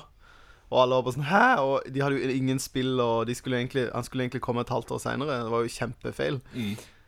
Eh, og så kosta han 299 dollar. Mm. Og det var ingen Eh, spill til. Det var ingen spill. Og så rett etterpå så kommer PlayStation og annonserer sin. Og den, det klippet det skulle nesten lagt det ut på Instagram. Det er, helt, det er så episk. Ja. Hvor han som skal annonsere det, han kommer opp på uh, uh, podiet, og så sier han bare 199. Og så går Ja, han ned. Og så går han ned. Oh, det, det er helt Ice cold. Det var det eneste han hadde å si, var bare Våre skal stå 100 dollar mindre enn deres. Ja. Og det var jo spikrende spikeren i kista der og da. Det skal jo sies at uh, på den tida så hadde jo uh, PlayStation med å egentlig ha sagt veldig lite fått veldig stor oppmerksomhet og hype rundt PlayStation. Så mm. det, det var jo på en måte De hadde jo kanskje ikke De trengte jo ikke selge inn maskina. Den var jo på en måte allerede solgt inn.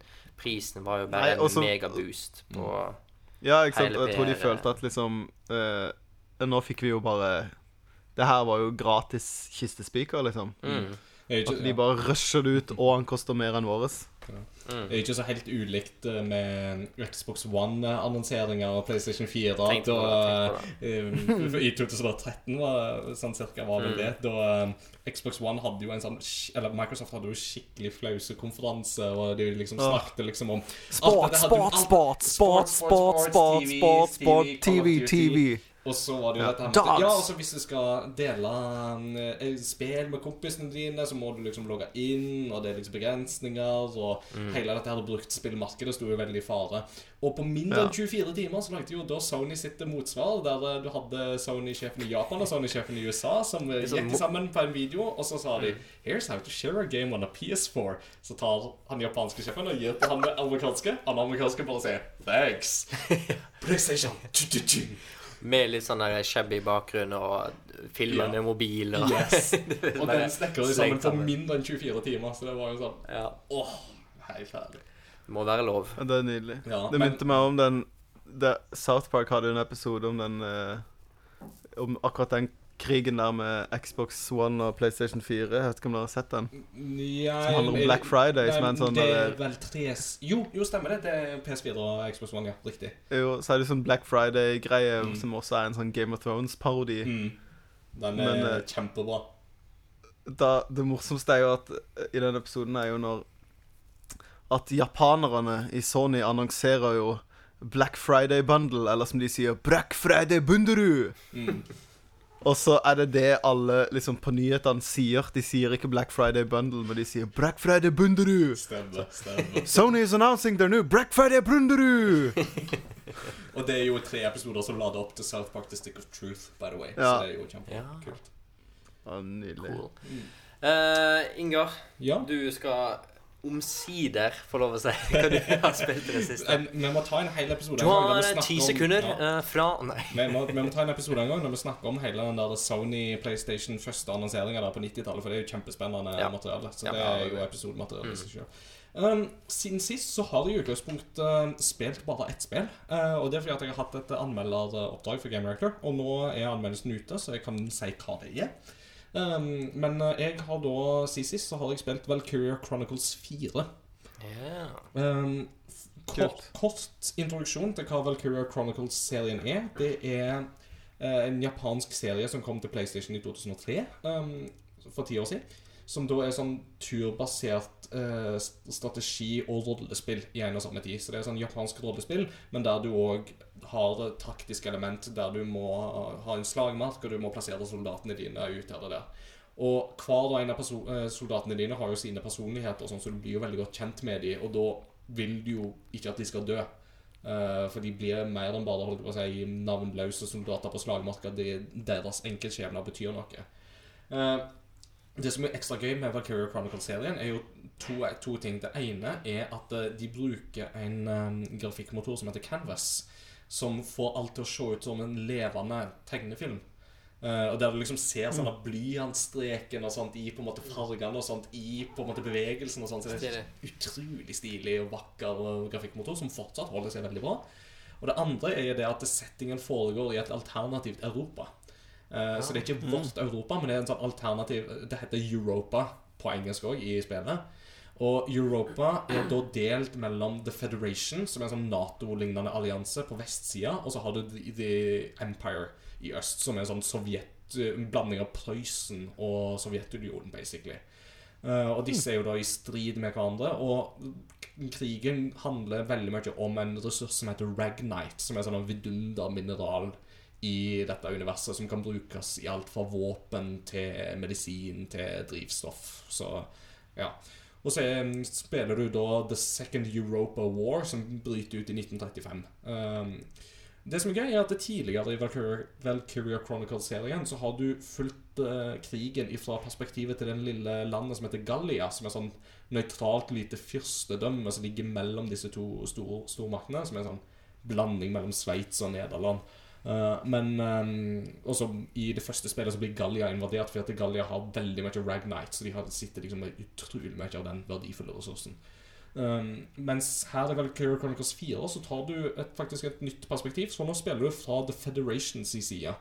Uh, og da spiller du en tropp med galliske soldater som kjemper for The Federation, og der The Federation De sliter i begynnelsen av krigen, men nå satser de alt på ett kort og tar sånn alt i én inn i de kjører på i et sånn gigantisk angrep mot uh, The Empire, som heter Altså en operasjon som heter Northern Cross. Og da vil de jo bli ferdig Satser de liksom alt på ett kort og skal knuse fienden. Men så er det jo sånn eh, De som kan sin historie fra vår verden, vet jo det at hvis du skal invadere Russland, så bør du bli ferdig før vinteren kommer. Um, og det gjelder jo her òg, ikke minst. Så um, Har du ikke spilt Valkyrie Valkyria Chronicles før, så kan du absolutt begynne med fireren. Det er ingenting til hinder for det. Du kommer ganske greit inn i settingen og storyen og sånt. Uh, jeg vil fortsatt si at storyen er kanskje Storyen tar på seg bitte litt i forhold til um, det første og det tredje spillet. Særlig når du kommer liksom i andre halvdel av uh, Valkyrie Chronicles 4, så merker du på en måte at storyen flater litt ut. Men de definitive toppene får du likevel i andre halvdel av historien. Så. Og så er det turbasert, dette her. da Så det er liksom sånn at du går inn i slag, og så kontrollerer du soldaten din fra tredjepersonsperspektiv. Og idet du kommer innenfor skuddrekkevidde, så begynner fienden å skyte på deg. Men uh, hvis du da liksom går inn i siktemodus, så fryser tida. Så da har du liksom all tid i verden til å velge hva våpen du skal ta, og så sikte og skyte. Um, så veldig, veldig gøy. Veldig vanskelig. Uh, Det er virkelig krevende for uh, de som liker uh, den, den type sjakk og eh, litt mer sånn naturbaserte eh, strategispill og sånt, så er dette så, så, så bør en sjekke ut dette her, altså. For det, jeg kan varmt anbefale det som gammel fan av serien, samtidig som jeg også vil at nye fans vil ha, vil ha glede av det.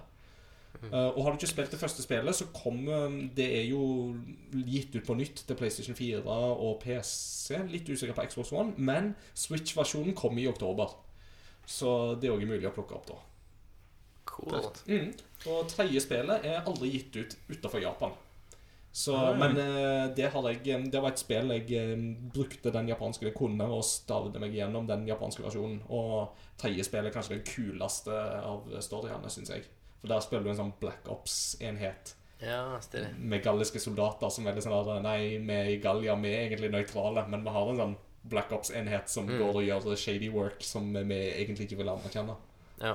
Når, når, når du snakker om galler og sånn, så tenker jeg bare på Asterix Ja, Obelix. det er lite Og- Teotates og Og så, og så nå så jeg bare for meg liksom Asterix Obelix med sånne fjernstyrte eh, kamikaze-radiobiler og liksom Black Ops eh, Black Ops Snipe, eh, snipe him down, Asterix.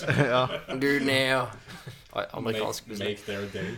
Ja. Miraculix som, DJ Miraculix som står og spiller futuristisk Black Ops-musikk. Det, det er litt av det, da. Men et element som går igjen i Valkyria Chronicles-serien, er jo valkyrier. Som er en sånn mystisk gammel rase som Nesten, nesten sånn gudelignende rase som eh, er litt sånn, holdt på å si, mystifisert og litt sånn, og man har ikke helt liksom, kontroll på dem. Men de dukker jo opp til støtt og stadighet på slagmarken, og de er jo sånne uovervinnelige beist. Ofte så er de jo kvinner. Men er de, på, er de på Federation sin side, eller på Empire sin side? Um, jeg tror ikke jeg skal si så veldig mye på det. Altså I det første Ja, spillet ja, i det det. Jeg kan si I forhold til det første spillet Så er det jo uh, på um, Imperiets side, da. Men så er det jo alltid så noen som er det sånn Ting ligger liksom litt til rette for at det kanskje det er noen andre òg som er valkyrjer, de bare vet ikke helt om det. Og de har en sånn særlig resonans med dette uh, Ragnite, dette mineralet, som gjør at de kan liksom blaste sånne energistråler som bare knuser alt i mils omkrets. Og de er utrolig dødelige. Um, så det er, en sånn, Ja. det, er, så- det er jo et sånn fantasy-element over dette her. Det er det jo absolutt, men det er fortsatt veldig, veldig gøy. Uh, og det skal sies, altså. Så det Ja. Det høres uh, Kult. interessant ut. Må le gå inn på Game Reactor og lese anmeldelsen. Yes. Um, jeg Litt snikskryt, men jeg tror det er den første norske anmeldelsen av spillet. Så Ja, ja. Um, Uh, bra. Ja. Så um, Nei, ser du. Thank you. Thank you. Så um, Kult. les gjerne den. Blir veldig glad hvis dere leser den. Har dere noen kommentarer på det, så snik det inn på Game Rector-sida eller i kommentarfeltet til denne podkasten. Så Mm. har vi, setter vi pris på det. Vi skal ta en eh, liten pause nå før vi går over til dagens tema. Og så um, finne ut hva det er. Så don't change the channel. We'll be right back after these messages.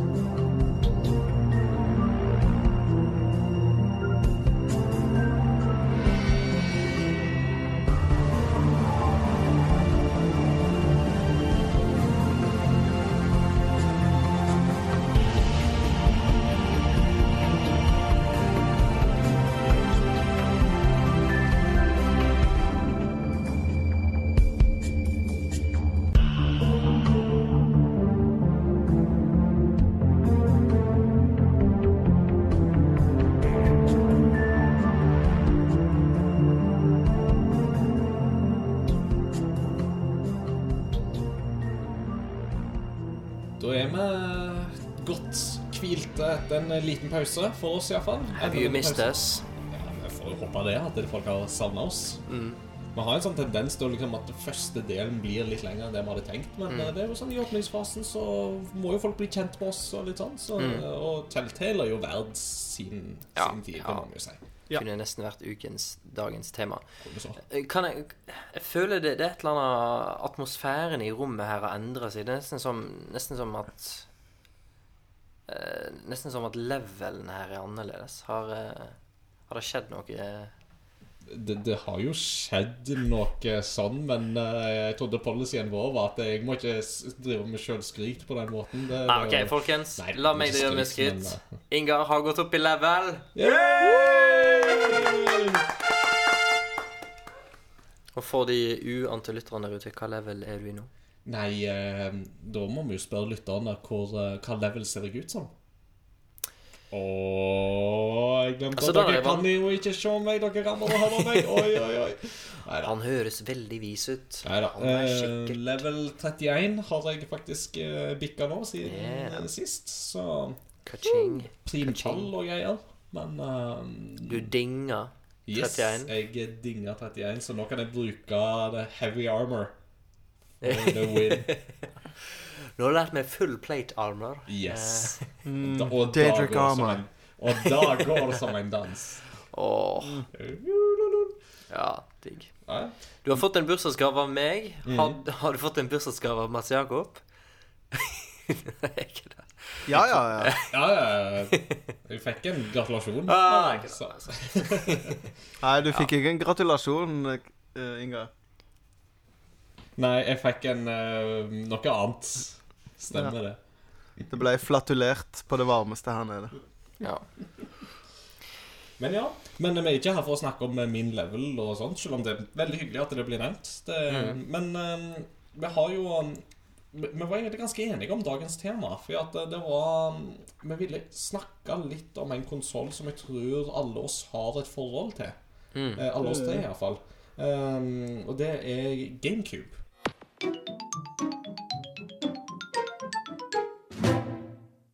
Yeah. Uh, Nintendo GameCube var jo en um, konsoll som um, kom ut i 2002 i Europa, hvis jeg husker rett. 3. Eh, mai. 3. mai, ja. Jeg husker faktisk med datoen. Uh, fordi em, jeg husker jeg gleda meg veldig til den. Eller jeg på en måte hadde på en måte markert i kalenderen og greier. Um, Men i alle fall, GameCube kom ut i 2002 her i Europa. Og den, um, det var jo konkurrenten til PlayStation 2, som jo var sluppet halvannet år før. Den kom jo faktisk ut så tidlig som 2000. Og Xbox var liksom omtrentlig samtidig lansering som GameCube. Så PlayStation 2 hadde jo et ganske solid fortrinn uh, Mm. på den tida der. Um, vi vet jo alle sammen i retrospekt hvordan det gikk. Uh, um, altså PlayStation var jo PlayStation 2 ble jo tidenes bestselgende konsoll. Mm. Uh, Er det jo fortsatt i dag? Ja, hvis ikke Sånn- Nintendo DS har gått forbi. Uh, Nintendo DS kan ha gått forbi, sånn så vidt, men uh, hvis ikke så er det PlayStation hadde- 2 som har Hadde DS og 3DS blitt regna som samme konsoll, Da hadde, hadde det den gått forbi. Ja. Da hadde det gått forbi, ja. Mens uh, Ja. uten så er det ikke. Nei. Uh, men Nei, og så er uh, Ja. You were saying? Nei, jeg skal bare si altså, Man skiller jo ofte på håndholdt og konsoll. Iallfall Det- frem til eh, Switch kom. Mm, Eh, ikke sant? sånn at eh, Der er det jo store forskjeller. Ja. Uansett, uansett, PlayStation 2 gikk jo så det grein. Solgte over 150 millioner. Gikk som en dans. eh, Gikk som en dans. Oh, den solgte jo over 150 millioner.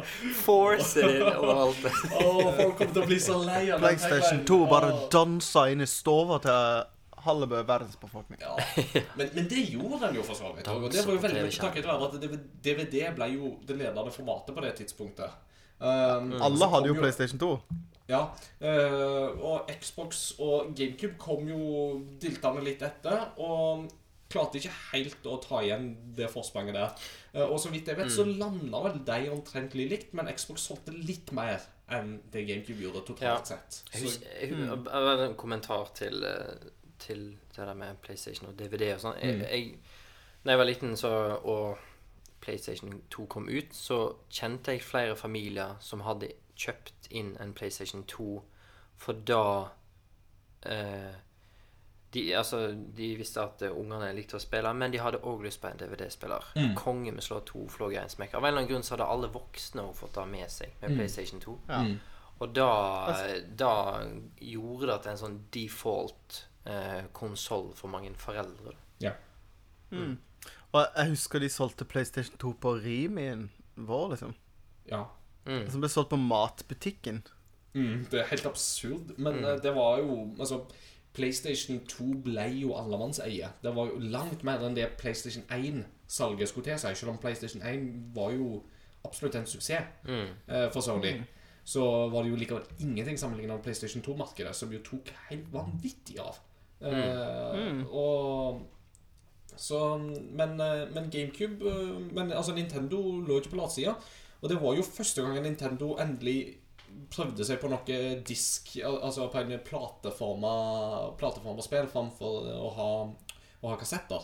Fordi at de tviholdt jo på, konse- på kassettene eh, på Nintendo 64. Etter at eh, alle forsøk på samarbeid om å lage en eh, CD-rom-konsoll på begynnelsen av 90-tallet gikk eh, i vasken. Så holdt jo de på kassettene fordi at det var kort, altså, kortere lastetider og sånne ting var liksom salgsargumenter for Nintendo, og de tjente for så vidt godt på kassetter. Det er jo fordi at de drev jo med produksjon av de, og i den grad de kunne få andre folk til å lage spill til sine konsoller, så tjente de penger på det, for de måtte jo selge kassetter til disse selskapene som ville gi ut spill på deres maskiner. Men Men, uh, Nintendo har jo alltid vært treige i den utviklinga. De altså, Ja. PlayStation 1 kom og hadde CD-er, altså CD-rom, Mm. men Nintendo gambla fremdeles på diskettstasjonen til Nintendo 64, liksom. Ja, ikke sant. Så er det klart at det, det, det funka relativt dårlig. Men de, de måtte jo ta til vettet etter hvert, og begynte jo med sånne dis, disker, de òg. Eller plater, de òg. Eh, men det var jo disse her små eh, mini-DVD-platene. Eh, Så det var ikke sånn vanlige standardstørrelse på dem. De var kjempesmå. Men hvis vi skal ta ting litt sånn kronologisk her Ja.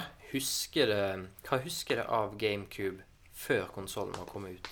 Husker dere reklame eller bilde eller filmer eller Jeg husker at, han gikk, at de kalte han for Dolphin. Det Ja. husker jeg jo. Og det er jo blant annet referert til i altså, Det er jo derfor i Super Mario Sunshine så drar du jo på besøk til Sydhavsøya Isle Delfino. Ja. Som jo er en direkte referanse til, Dolph, altså til Dolphin, som jo var kodenavnet til Og, øya, og, og den øya er helt forma helt likt som delfinen i Dolphin-logoen. Yes. ja. Riktig. Og ikke minst eh, Som kanskje blir et tema en gang, men den eh, kjente emulatoren Ja, GameCube GameCube Ja. jo òg Dolphin. det gjør han jo, faktisk. Så det er Og fargen indigo er jo en slags sånn eh, Den, den GameCube-fargen var jo òg litt sånn uh, Dolphin-aktig. Det var sånn Mm. henspeiling på det. Riktig. riktig Men uh, du nevnte det med hva vi liksom husker før den ble Mm. lansert. Jeg husker at det eh, Dette var på den tida da Nintendo Norge ga ut sitt eget blad som heter Club Nintendo. Mm. De hadde noen ganske sånne store coverages om eh, GameCube da den ble eh, presentert på Tokyo Gameshow. Altså, det het ikke det på den tida, det het noe annet på den tida. Eh, Men det ble iallfall presentert i Tokyo under, i 2000, uh, hvis jeg ikke husker helt feil. Og det var jo sånn det, du, det jeg husker aller best ifra det, det var jo videoklipp og bilder som vi så fra det kommende Zelda-spillet. Og det var jo Ja. helt insane! Fordi det var så realistisk i forhold til Nintendo 64-grafikken som du var vant til. Og det var en sånn episk sverdkamp som du så mellom Link og Ganondorf. Og, og sånn Ganondorf slåss med sverd! Og det var helt absurd hvor kult det var. Og så eh, kom jo Windwaker senere, og da hadde de jo endra fullstendig grafisk design i forhold til det vi så i den, Mm. eh, Ja. den presentasjonen. Og det var det fans ja, og det var det fans reagerte så voldsomt på, for plutselig så gikk det fra den hyperrealistiske grafikken for sin tid til en sånn der eh, cartoonish uh, greie som var sånn Hva i all verden er det for noe tull? Så var mange Ja. fans som ble Jeg, jeg, sure på det. jeg husker når jeg så bilde av Windwaker. Ja. Hadde liksom spilt Ocarina of Time og Majoras Mask hos en kompis. Mm. Så bilde av Windwaker. Tenkte litt sånn OK. Men så hadde jeg spolet litt lenger fram i tid en nabo som hadde Windwaker-demo Mm. på en sånn GameCube-CD når spillet var kommet ut. Og da å se det i aksjon var jo noe helt annet. Mhm. Det bare Wow, det her var, var livaktige animasjoner. Mm. Og, ja, men uh, Og det, det er jo kanskje òg uh, mulig Altså, uten å ha drevet statistikk på dette, men det er jo godt mulig at uh, Zelda The Wind Waker er det GameCube-spillet som har holdt seg best i ettertid òg, pga. den stilarten de Mm. valgte å legge seg på. ja. Absolutt. Um, Um, Sjøl så husker jeg at um, jeg hadde en kompis på barneskolen eh, som hadde, de hadde fått seg PlayStation 2. Hadde hatt det i et halvt år. Da hadde vi vært, der en del og, og spilt. Og så så jeg på internettet i 2001 Mm. bilde av Jeg tror det var Jeg tror det var uh, Smash, kanskje? Ja. Uh, før GameCube var kommet ut. Og da var jeg ti år. Men allikevel så husker jeg at jeg liksom reager, reagerte på hvor utrolig bra grafikken var. Selv om jeg hadde sett PlayStation 2 i aksjon. Tidlig PlayStation 2, vel å merke. Ja, ja. Og tidlig PlayStation 2 sammenligna med tidlig GameCube som spill som Nintendo sjøl laga, Mm. var veldig stor forskjell, altså. Og da husker jeg gikk til skolen til han kameraten bare Og nå kommer snart Nintendo med ny konsoll, og den ser masse kulere ut. Kjip Konsol- Nintendo-fan. Ja. Det, det starta Det starta det. Men ehm, hadde, har du, eh, Mats Jakob, noe minne ifra Eller hva kjennskap hadde du til konsollen før den liksom kom ut? jeg husker liksom ikke så veldig godt. Jeg har veldig mange minner om Nintendo 64, men jeg har ikke så mange minner liksom Jeg tror jeg var veldig opptatt av Nintendo 64. Eh, men jeg husker jo veldig godt at liksom PlayStation 2 kom, og at eh, naboen min som hadde Nintendo 64, fikk PlayStation 2, og liksom Jeg husker at liksom eh, Det var liksom akkurat i skjæringspunktet før vi ble ungdommer, liksom, hvor det var på en måte kult med ung, på en måte voksenspill. Mm. Eh, og ikke så kult med på en måte barnespill lenger. Selda var jo på en måte en sånn mellomting, men så på en måte kom jo Windwaker, men det var jo på en måte litt etterpå. Men Ja. jeg husker på en måte at jeg på en måte Jeg kicka ikke så veldig på PlayStation 2, da. Jeg syns liksom ikke Gran Turismo var så fet og eh, og de greiene der. Og jeg kan liksom ikke huske noen av de tidlige PlayStation 2-spillene. Det er liksom PlayStation 2-spillet jeg husker aller best, er liksom Vice City, for det var liksom alle spilte det hos San Andreas, og det var liksom Mm. Litt sånn som det er i dag, og at GTA 5 er liksom Å, altså Mm. tolv år gamle elever som spør meg «Ah, Har du GTA 5, så er det sånn Who cares? Eh, Det du Men, burde si eh, da, er jo 'Hvorfor har du det? Du er tolv år gammel'. ja, det sier jo det òg. Ja. Så sier de bare 'Jeg kjører bare bil', så er jeg sånn Nei, de gjør det Ja, Yeah, sure you do. Eh, sure you do. Eh, det er det du sier. Keep telling yourself that. Mm. Eh, men nei, jeg husker at jeg var veldig stoka på at det kom et Luigi-spill. Ja. Mm. Det husker jeg veldig godt. At det var sånn Shit, det kommer et Luigi-spill. Det var liksom litt sånn eh, Jeg følte det kom liksom litt fra liksom langt ut på høyre flanke. Mm. Eh, At det var liksom ikke noe sånn der folk Det kan godt folk hadde gjort det, men liksom jeg følte ikke liksom publikum hadde skrek etter, skrek etter et Luigi-spill. Og iallfall ikke et liksom uh, horrorspill. Iallfall ikke på det samme måte som fansen i dag roper etter Waluigi-inntoget i Super Smash Bros., for eksempel. Ja. Sånn som vi gjør det i dag. Men, eh, men, men det er jo et poeng, det der. ikke sant? For det, det var jo sånn med Nintendo at det, både med Nintendo, og altså med, eller Famicom, eller Nintendo Entertainment System, og Super Nintendo, og Gameboy, og Nintendo 64, så hadde de jo alltid på en måte Og for så vidt òg Gameboy Advance, som jo var kommet ut eh, før GameCube, så kjørte de jo alltid på med Mario som sitt salgselement, ikke sant? Mm. Og Mario var jo og, er jo fortsatt utelukkende forbundet med Nintendo, er jo denne salgsmaskotten og alt. Og det som jo var veldig spesielt med GameCube, var jo det at det var første konsollen Nintendo lanserte uten et spill med Mario i hovedrollen. Mm. Og I stedet så hadde du jo da Luigi.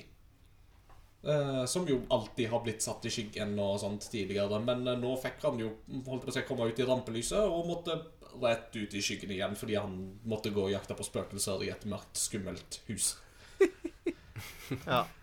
Så, men, uh, men det er Luigis skjebne. Han er en uh, skvetting, men han tar jo Ja. fatt på oppgaven i Luigis Mansion likevel. Og, fun, fun, fun fact, men altså, Luigis Mansion 3 er jo nylig annonsert til Switch, Det blir gøy. så det kan bli veldig, veldig gøy.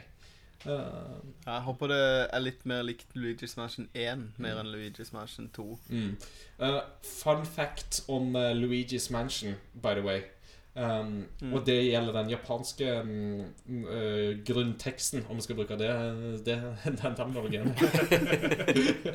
Men altså i oh, veldig kristen måte å si det på. Yes, ikke sant? Veldig teologisk måte. Men uh, altså Fordi at i Luigi's Mansion så er det jo sånn at Luigi møter jo på en eh, litt sånn halvgal liten professor som heter Professor E. Gadd uh, på engelsk. Som jo for øvrig òg er et Mm. fantastisk bra pønn. Um, og han gir jo deg den her støvsugeren The Poltergust, som du jo skal støvsuge disse her spøkelsene med. Og igjen et fantastisk navn. Men Professor E. Gadd på japansk heter da Oyama. Og Oyama er da japansk for oh dear. så uh, Og siden professor jo er hakase på japansk, så er han da Oyama hakase. Så professoren heter rett og slett bare oh dear på uh, japansk. Som passer egentlig litt sånn godt overens med at han heter EGAD på Som er jo en sånn eufemisme for når du er sånn Å, du verden. Ja. Mm. Um, kan, vi, kan vi gå på en sånn memory lane nå og, og jeg, føler kanskje i, i rommet her, og Mm. i, Stav i Stavanger, faktisk Stavanger. Hei, Stavanger! Halleien. Nei, en I Kristiansand. Om at, om at du har hørt om GameCube? Eh, at, at vi kanskje har en eh, kan vi, kan vi dele vår historie om hvordan vi fikk GameCube? Eller kjøpte GameCube? Eller Det, det høres jo veldig gøy ut. Uh, Du, du Ingar, Ja. har en ganske spennende Ja, altså, jeg, For meg så er jo det der litt sånn gøy. For, at, um, for alle oss tre som sitter her, så er det jo sånn at GameCube, PlayStation 2, Xbox-æraen Det var jo litt våre formative år på mange måter. ikke sant? For at det var da vi enten ble tenåringer eller gikk inn i tenårene for ditt vedkommende som er lavest level her. Kristian, og, Det er derfor jeg sier så Sånn, feil. Så lav level Ja, ja, i communication. Ja, men altså, for oss var det jo veldig sånn formative år, ikke sant? Og det er jo da klart at det vi på en måte gjorde da, det har jo formet oss litt til den vi er i dag. Men en litt sånn fun ting er jo det at eh, jeg hadde aldri planer om å kjøpe meg en GameCube. Selv om jeg hadde Sjokodes! Sjokodes! Stopp toget, jeg vil av! Oi, oi, oi. Ja, men altså, greia er jo da at jeg var Jeg hadde prøvd GameCube hos en kompis av meg. Jeg syntes Super Smash var kjempegøy og alt sånt. Og det var liksom altså, Det var ikke det at jeg ikke likte det jeg prøvde når jeg var hos andre. Jeg var jo interessert i det og alt sånt. Men samtidig så var det noe med at det, det var liksom en sånn halvfornuftig del av meg som sikkert hadde arva noe fra foreldrene, som liksom sa at dette her det evige sirkuset med at det liksom hele tida kommer nye ting, og at du må liksom hele tida kjøpe ny maskin, og at det blir på en måte Altså, det er jo en sånn evig karusell, det der. ikke sant? At en konsoll varer i t- fire-fem år, som det gjorde på den tida, og så måtte du kjøpe en ny, fordi at uh, hvis ikke så fikk du ikke spill og sånt. Og at det ble litt sånn eh, Det var en del i meg som sa at nei, du, det er litt sånn Det er et sirkus, det der, ikke sant? Og jeg vet ikke om det er noe jeg helt vil ta del i, rett og slett. Men så var det jo sånn med GameCube. Den kom i 2002. Og allerede i 2003 så hadde jo den gått ganske kraftig ned i pris. Fordi at Nintendo sleit med å ta igjen forspranget til Sony.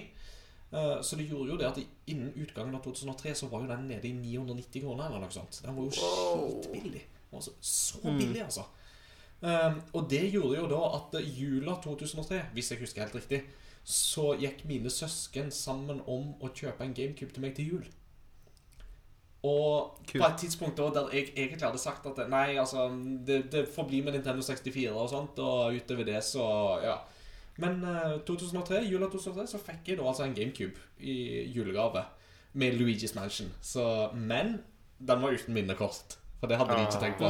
Så GameCuben måtte bare stå på eh, hele romjula og kverna mens jeg spilte Luigi's Mansion. Helt til jeg fikk gått ned på Spiderman i Bergen og kjøpt meg GameCube-minnekort. Så, så, så, så mitt på en måte minne om hvordan jeg fikk GameCube, er jo veldig knytta til det der med at jeg skulle egentlig ikke ha noe, og så fikk jeg det. Og jeg tror faktisk helt ærlig jeg kan si at um, hadde jeg ikke fått GameCube da, så hadde jeg kanskje ikke gama Jeg hadde i alle fall ikke gama på samme nivå som det jeg gjør i dag.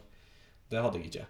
Um, og så en PlayStation kom jo etter hvert i, da jeg begynte som student. Så fikk jeg jo kjøpt brukt PlayStation 2 og sånt, og fikk liksom da på en måte mer på en måte bekjentskap med det, den katalogen og sånt. Men i løpet av da mine ungdomssko... Altså videregående år ble det faktisk da, for meg. Så var det da GameCube som var liksom den konsollen som definerte, definerte meg. Mm. Som sånn spiller. Takk, eh, søsken til Ingar, for at dere kjøpte den. Takk skal dere ha, alle tre. Det, jeg, dere rister håpløst på hodet over hvor nerdete jeg er nå i dag. Men bare vit at this is the monster you created yourselves. Så Litt sånn John, John Doe-referanse. det, det holdt jeg på å si dette sånn, Altså, jeg er bare et Frankensteins monster, altså. Som, da kan dere forestille dere sjøl hvem dere er. Mm. Så yes. Men eh, hvordan er det med deg, Mats Jakob? Altså, hvordan, de, altså, hvordan fikk du deg GameCube back in the day? Ehm, GameCube er den første konsollen jeg kjøpte for mine egne penger. Mm. Uh, den, har, den kom jo ut i mai, og jeg har bursdag i juni. Så jeg kjøpte rett og slett en GameCube bare en måned etter den kom. Oi. Oi, early adapter. sånn, uh, ja, jeg var eh, early adapter. Og det var litt sånn Som jeg sa i stad, naboen min hadde PlayStation 2, og jeg hadde en 64 og sånn, men det var liksom PlayStation-spillerne appellerte på en måte ikke. Jeg syns Tekken var gøy, men det var liksom ikke så fett. Og så eh, var det jo liksom Zelda som drev meg veldig mye da jeg var barn. Jeg spilte mye Zelda og, og syntes det var veldig gøy. Og så Og Mario. Det var liksom Zelda og Mario som var liksom main eh, Karakterene som på en måte interesserte meg. Mm. Mm. Eh, og eh, ehm, Så jeg visste jo eh, jeg, Som sagt, eh, sa jeg husker ikke så veldig mye fra før GameCuben kom, men jeg på en måte visste jo om at det kom Zelda, og Smash kom jo rett etter launch. Ja, for det var ikke en launch-tittel, men den var ganske Nei. tidlig ute. Mm. Ja, det var veldig tidlig ute, for jeg kjøpte GameCube og Luigi's Mansion og Smash og minnekort. Ja, det er lurt. lurt. Det var det jeg hadde råd til for bursdagspengene mine. Mamma skjønte ikke hva jeg skulle med den lille grå brikka, men eh, jeg måtte jo ha den. Å, tror du meg, den Eh. var essensiell. Mm. Eh, og eh, det som er sykt morsomt, er jo Jeg er jo veldig glad i Smash, men jeg kanskje liker s- 64 aller best. Mm. Men jeg spilte helt absurde mengder, mengder eh, Super Smash Brothers Melee, som det heter så fint på GameCube. Yes. Eh, og for de som er litt kjent med det spillet, så vet du at for å unlocke Mewtwo som en spillbar karakter, Mm. så må du spille 200 multiplayer-kamper. Eh, og før jeg spilte Smash med noen andre enn bare meg sjøl, så hadde jeg Mewtwo. Oh, ja. For jeg hadde ingen venner som hadde GameCube, og jeg hadde én kontroll. Ja. Eh, så når jeg var lei av å spille liksom gjennom story-moden, eller hva det er, den der eh, battle arena-greia med alle karakterene, så begynte jeg å spille multiplayer-matcher med meg og tre botter. Og så plutselig fikk jeg Mewtwo. ja. Riktig. Eh, eller 200 eller 250, jeg husker hvor mange det er. Og det Ja, det er ganske det var mye. Jeg, Det var noe sånt, ja. Mm. jeg husker jeg skulle gjøre det igjen når jeg plukka opp eh, Jeg tok med meg GameCube Jeg tok jo med meg spill når jeg flytta hjemmefra, men GameCube var liksom en sånn konsoll som Vi begynte å spille Smash, da, der jeg bodde, jeg flytta til Oslo, og da, da husker jeg at jeg satt igjen alene og spilte multiplayer-matcher. Eller jeg satte opp fire botter som spilte multiplayer-matcher for meg, sånn at jeg kunne få Mewtwo. Jeg hadde jo selvfølgelig ikke den saven. Nei. Jeg mener å huske også at det var en av figurene som var sånn at du måtte ha spilt spillet så og så mange timer før du unlocka den. Jeg husker ikke hva figur det var, men min løsning var jo da rett og slett bare å la GameCuben stå på over natta. Eh, og Game Watch eller et eller annet. ja, altså jeg husker ikke helt hvem det var. Det burde jo selvsagt ha slått opp nå før, uh, før, før vi begynte her, men uh. Mm. For da husker jeg var Ja, en av de fikk ganske seint Mm. Men en ting som jeg husker i forbindelse med dette her med lanseringa til GameCube, var jo det at det som jeg syntes var veldig spesielt, var jo det at et av lanseringsspillene til GameCube var Sonic. Mm. Sonic Adventure 2 ble jo, var jo et av lanseringstitlene til, til, til GameCube, og det som jo er kjempestort I Europa. I Europa, ja, vel å merke. Og Ja. det var jo også så Du hadde en Nintendo-konsoll som launcha uten Mario, men med Sonic. Så Mm. plutselig så var jo hele 90-tallets konsollkrig snudd på hodet. For det som skjedde i mellomtida, var at Sega hadde gitt ut Dreamcast, og Dreamcast eh, floppa, for det var for lite og for seint. Selv om Dreamcast var en veldig bra konsoll på mange måter. Mm. Rent teknisk sett for sin tid.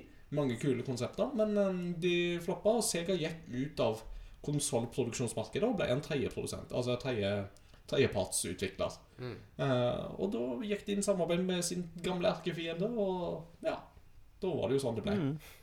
Mm. Og jeg sitter og ser på den uh, lista over oss. Det var 20 spill som kom med GameCuben i Europa, Mm. og ti av de var sportsspill. Ja, ikke sant. Hvis du, hvis du teller Burnout og Crazy Taxi som sportsspill, da. Nå har jo vi tidligere eh, sagt at bilspill er litt sportsspill. Ja, det kommer jo litt an på bilspillet. Jeg vet ikke om Crazy Taxi er bilspill per se, for det er jo mer sånn Nei. kjøre rundt og Ja, det er jo et arkadespill. Ja, det er så. Eh, Veldig gøy, by the Så way. det Ja, det er veldig gøy. Men uh, det er ganske fascinerende, og det er liksom Ja, den, den lista er ikke, er ikke skrekkelig imponerende. Den japanske er fin. Mm. Der har du Luigi's Mansion, Wave Race Blue Storm og Super Monkey Ball. Mm. Det var tre spill som kom med den. Ja. I Europa så er det liksom Fifa, Batman Vengeance har alle aldri spilt. Ja, det var vel basert på Batman The Animated Series, tror jeg. Ja, ja. Uh, Bloody Roar, Burnout, Cell Damage. For Mhm. Et av de første cell-shada spillene som ser ut som sånn tegneseriekarakterer.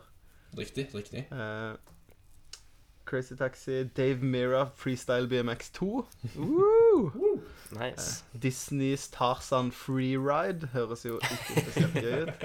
Spin-off. Eh, Spin-off-tittel. og- Quack Attack, det var jo Donald Duck. Det var jo også et 64-spill. Det var så. 1-spill. Det var så.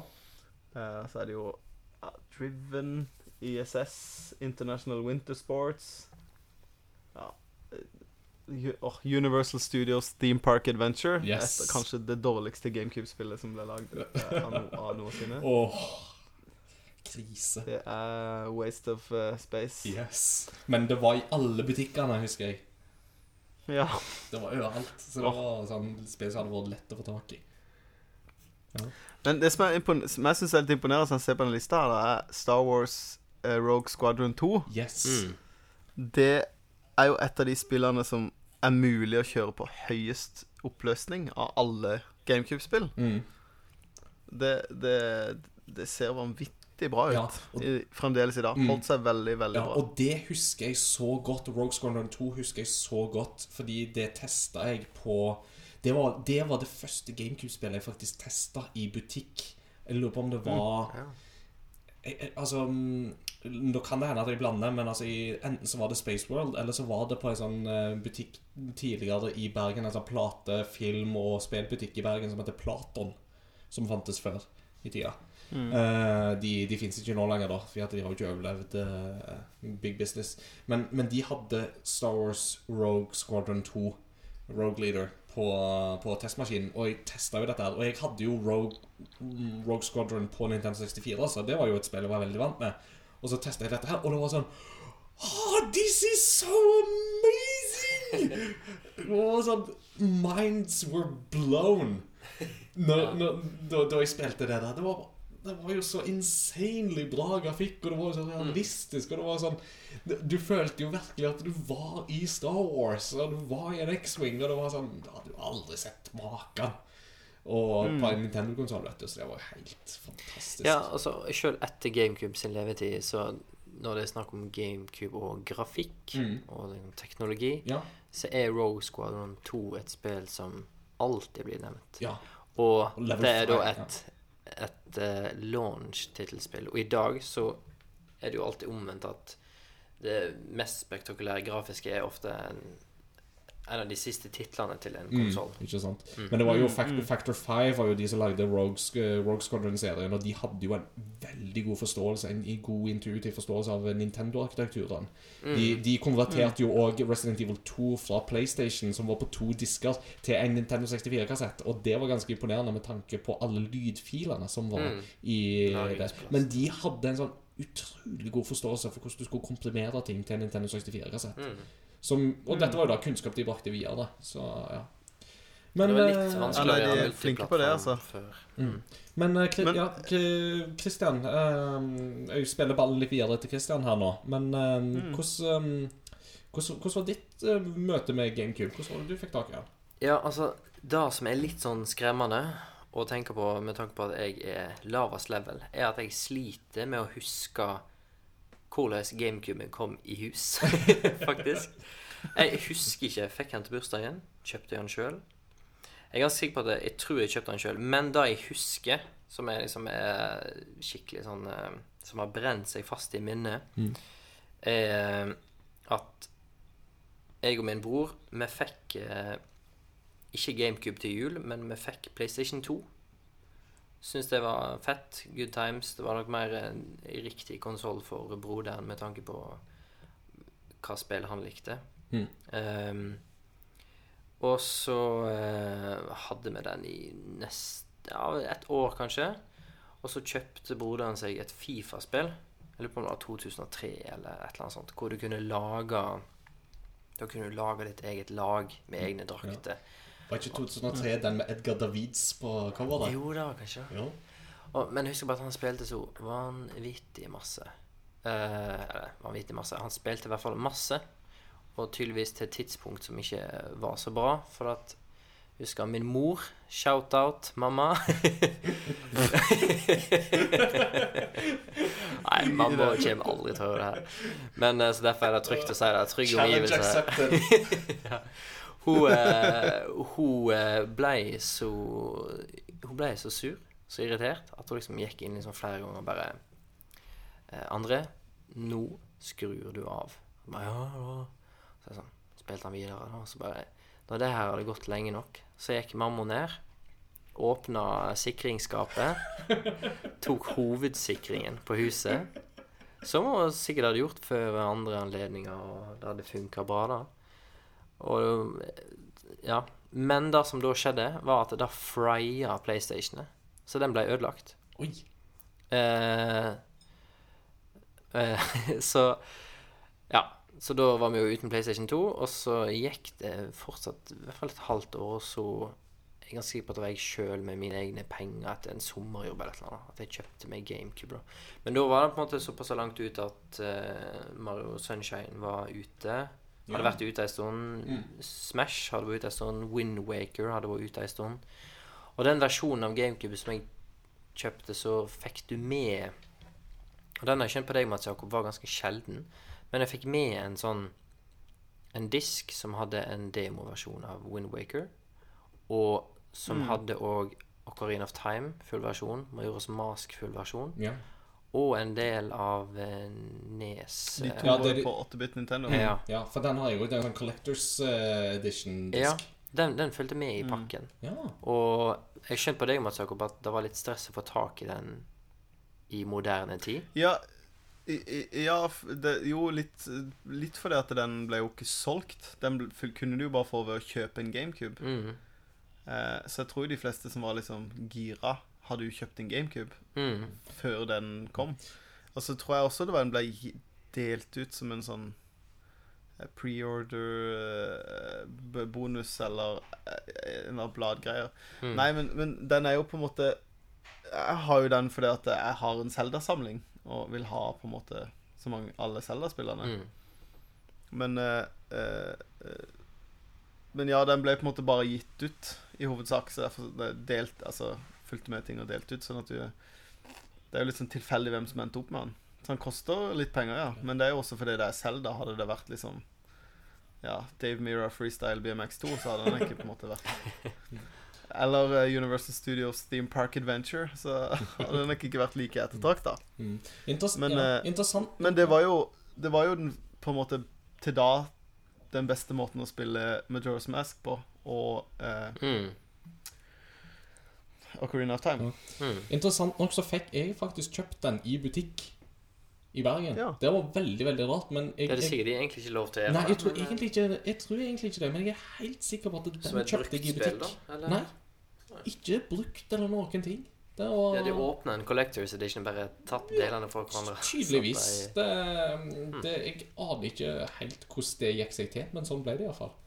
Så Men det er jo litt sånn der Det kan godt hende de solgte den i butikker, det, det vet jeg ikke. Det kan jeg ikke huske. Så det er jo fullt mulig, det, men jeg tenker at liksom Det kan jo ikke ha vært et spill de banka på at skulle selge liksom mange millioner, når det på en måte egentlig bare var liksom mm. en sånn en, et Namco eh, eh, På en måte Altså når det var på en måte bare en sånn her samledisk med tidligere spill i praksis, da, og en demo. Ja. Og, og den kom jo ikke før Majora's Mask, hvis ikke jeg husker feil. Nei, det, det gjorde han jo ikke. Det gjorde han jo ikke, for Majora's Mask kom jo ut i 2000. Så Nei, altså Med tanke på at jeg fikk han sammen med GameCuben det- var litt Nei, jeg mente, i- mente Wind Waker. Jeg mente Wind Waker, ja, sorry. ja. Nei, den kom før Wind Waker. Det gjorde han jo. Han gjorde det, ja. Ja, for det var jo en demo Hvis ikke det var ca. samtidig, da. For det var jo en demo Det kan det ha vært. hvor du får spilt eh, det litt av det der eh, mappen hvor du er det tårnet som Mm, du får det spilt i dette Forsaken Fortress. Mm.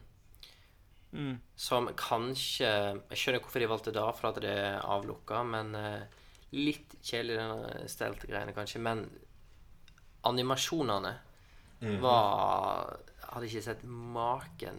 Du måtte, du måtte, du måtte, til, du måtte til Disney for å liksom Ja. En film for å se noe lignende. Mm. Og det var jo et veldig stort steg, altså med den cell-shading-teknikken som de Mm. brukte, og hele pakka. Det var jo Altså, jeg skjønner at fans reagerte etter å ha sett den Space World-konferansen i 2000 og liksom så eh, For, for det, jeg tror ikke det het Tokyo Game Show i 2000, forresten. Jeg tror det het Space World på den tida. Ja. Ja. Jeg Eh, ja. Um, og jeg skjønner jo det at de som så denne hyperrealistiske greia, ble, følte seg litt sånn snytt uh, med når, de, når um, da, da Nintendo skifta stil. Men jeg, jeg mener det var helt riktig av de å gjøre det, for at Wind Waker var Når du så de aksjonene, så var det ingenting likt det. Og hele den Mm. følelsen du har i det spillet, av denne utforskinga og hele den seilinga og alt det er Mm, veldig modig gjort, egentlig. De, Veldig de modig. Eh, hadde jo ikke funka hvis det skulle vært realistisk grafikk. Nei. Det hadde vært kjempe, kjempedølt. Altså, på en måte, Nå har ikke jeg spilt eh, noen av de her eh, current eh, gen eh, havspillene, sånn som det der eh, Sea of Thieves og sånn. Eh, så jeg kan jo ikke sammenligne det egentlig med noe, men på en måte eh, Vann er jo noe av det vanskeligste å få til å se bra ut. Mm. eh, når det skal være realistisk. Jeg husker Wave Race på 64 var litt sånn sånn Wow, Mm. det her er så bra. Ja. Men bare fysikken og, og utseendet og alt sånt der, det er jo mye lettere. Så når, når jeg skjønner jo at de valgte den grafikkstilen og på en måte spillet skulle dreie seg primært rundt å seile, Det er sant. Det er sant. så er det jo mye lettere å få det til å se bra ut enn å få Mm. Men ja. Det hadde vært litt Det hadde blitt litt sprø hvis på en måte Wind Waker så ut som Wave Race, på en måte. Men med det sagt så var jo Wave Race Blue Storm som ble gitt ut Var, var ikke det en launch-tittel i Europa? Jo. Jo. Og det var jo Det, det er jo et av de som har holdt seg ganske godt for sin tid, da, vil jeg si. Uh, Ja. For det var Men du hadde blitt litt sprø hvis det var det du skulle se på hele tida. da. Ja, det- I Wind Waker, da, du seiler jo mye. Det er sant. Det er sant. Det er helt sant. Jeg mener bare, Det var et godt valg. Jeg sa ikke det, sikkert det er umulig, men det var, det var nok et veldig lurt valg av dem å gjøre det på den måten. Men nå, nå, har vi allerede, de hadde. nå har vi allerede nevnt Wind Waker og Luigi's Mansion litt Mm. i detalj. Ja. Skulle vi tatt en runde på et minneverdig GameCube-spill? Ja. Som kanskje ikke er Ja, de to. Yndlingsspill. Mm. Ja, og så um, Ja, absolutt. Uh, Mats Jakob, du kan jo begynne. Uh, du får lov å si mer enn ett hvis du har mer enn det, altså. Ja. Nei, altså eh, Av de, av de spillene jeg har lyst til å trekke fram, så syns jeg jo eh, Et av de er jo ikke eksklusiv, da, men et av de spillene jeg har spilt mest i ettertid, Mm. er jo når jeg har besøk av kompiser, så spiller vi Micro Machines. OK. Ja, er det bilspillet? Er det det? Nei. Ja, jo. det er så intenst å spille. Eh, og det er Micro Machines det er jo samme formelen som har vært på alle Micro Machines fram til da. Mm. Helt fra liksom 16-bit-generasjonen. men men eh, det at du kan spille fireplayer, eh, det er bare så engasjerende, det spillet, at eh, du blir helt sånn du, du, blir, du blir så fyrt av det. Mm. Vi spilte jo det den eh, Vi hadde jo en eh, quizlagkveld hjemme hos meg, hadde vi ikke det? Da spilte vi jo det. Stemmer. Stemmer. Kjempe, det er et veldig gøy spill. Mm. Eh, så det er litt sånn her, eh, hva skal jeg si, en sånn joker som eh, man kan trekke Som jeg vil trekke fra. Men det fins Mm. også Det var liksom på alle maskinene på den, i den generasjonen. Eh, Iallfall PlayStation 2. Mm. Eh, eh, jeg syns jo at eh, Four Swords Adventures, Zelda, eh, fortjener en, en, en, en Skal jeg si en plass på den lista, for det var veldig innovativt. Mm. Eh, og brukte, eh, som vi kanskje skal snakke litt mer om, brukte et av de litt GameCube hadde jo mange rare eh, ekstrautstyr. Ja. Eh, og en av de var jo en Gameboy Advance Link-kabel. Som gjorde at du kunne bruke Gameboy Ja. Advancen som kontroll, og at du kunne bruke skjermen i Gameboy Advancen. Sånn at det er jo da egentlig et fireplayer Zelda-spill, hvor, hvor du kan spille med fire Gameboy Advancer. Eh, hvor du på en måte når man går fra hverandre Du har på en måte store skjermen, og så når man går fra hverandre, så ser du på en måte deg sjøl på den lille skjermen på Game Boy Advance, og så kan dere se samla på TV når dere må samarbeide om ting. Men, altså, det var, så det er et veldig- ja, det var jo ekstremt Veldig kult konsept. ekst, men, Veldig kult konsept, men ekstremt optimistisk av Nintendo å tenke at eh, ja da, dere, dere skal ha én venn med en GameCube med dette spillet, og dere skal ha hver deres Gameboy Advance og fire sånne kabler som dere kun bruker omtrent til dette spillet, pluss Mm. noen få andre her og der. Ja. Da får dere fulle opplevelsen. Nei, da får Nei. dere den fulle opplevelsen av dette spillet. Altså, Jeg elsker konseptet med Force of Adventures. Det var bare det at det var jo helt umulig gjennomføring med det. Fordi at det var sånn Mm. Og det som var aller kjipest med det, er at det er nesten umulig å spille alene. Så det er jo på en Mm. måte egentlig u... Liksom eh, forgjengeren til Triforce Heroes på 3DS. At det er liksom eh, Det er, Mm. det er, det er i praksis et multiplayer only-spill. mm. Utrolig, Um, utrolig tungvint, men, men de som har spilt det på den måten der, og har, har klart å gjennomføre det, Mm. har jeg hørt at eh, det var ufattelig eh, artig. Jeg har spilt det med to, faktisk. Og det var gøy, det, altså. Mm. Ja, det må ikke være fire. Uh, så det er et spill jeg vil trekke fram som litt sånn uh, ikke, Det er jo ikke hidden gem, det er jo et Zelda-spill, men litt sånn De alle har ikke spilt det. Eh, og så Herfra jeg sitter, så klarer jeg ikke liksom se bort i, i hylla mi. Eh, men eh, eh, Ja. Eh, så hva skal jeg si? Bortsett fra de liksom eh, kjente spillerne, Luigi's Mansion og, og eh, Mario Kart og eh, Mario Sunshine og sånn, eh, så spilte jeg veldig mye et spill som heter Tie the Tasmanian Tiger. Yes. Eh, som også var på flere av plattformene på tida, men eh, jeg syns jo Jeg har prøvd Jeg har det, jeg elsker det spillet, så jeg har det på alle Jeg har det på alle plattformene, men GameCube-versjonen er definitivt den beste versjonen. Jeg hørte faktisk på Eh. musikken fra Tide Tasmanian Tiger i dag. Mens jeg satt på jobb. Kult. Ja. Det er veldig, veldig bra musikk. Det er sånn spill satt i Australia, som er litt sånn Mm. lineær 3D-plattformer, men veldig gøy. Kalaktasan-fest. Mm. Um, ja, det var det jeg kom på nå sånn i, i farta. Artig. artig. Hvordan hvordan er det med deg, da, Kristian? Hva, hva vil du trekke fram? Um,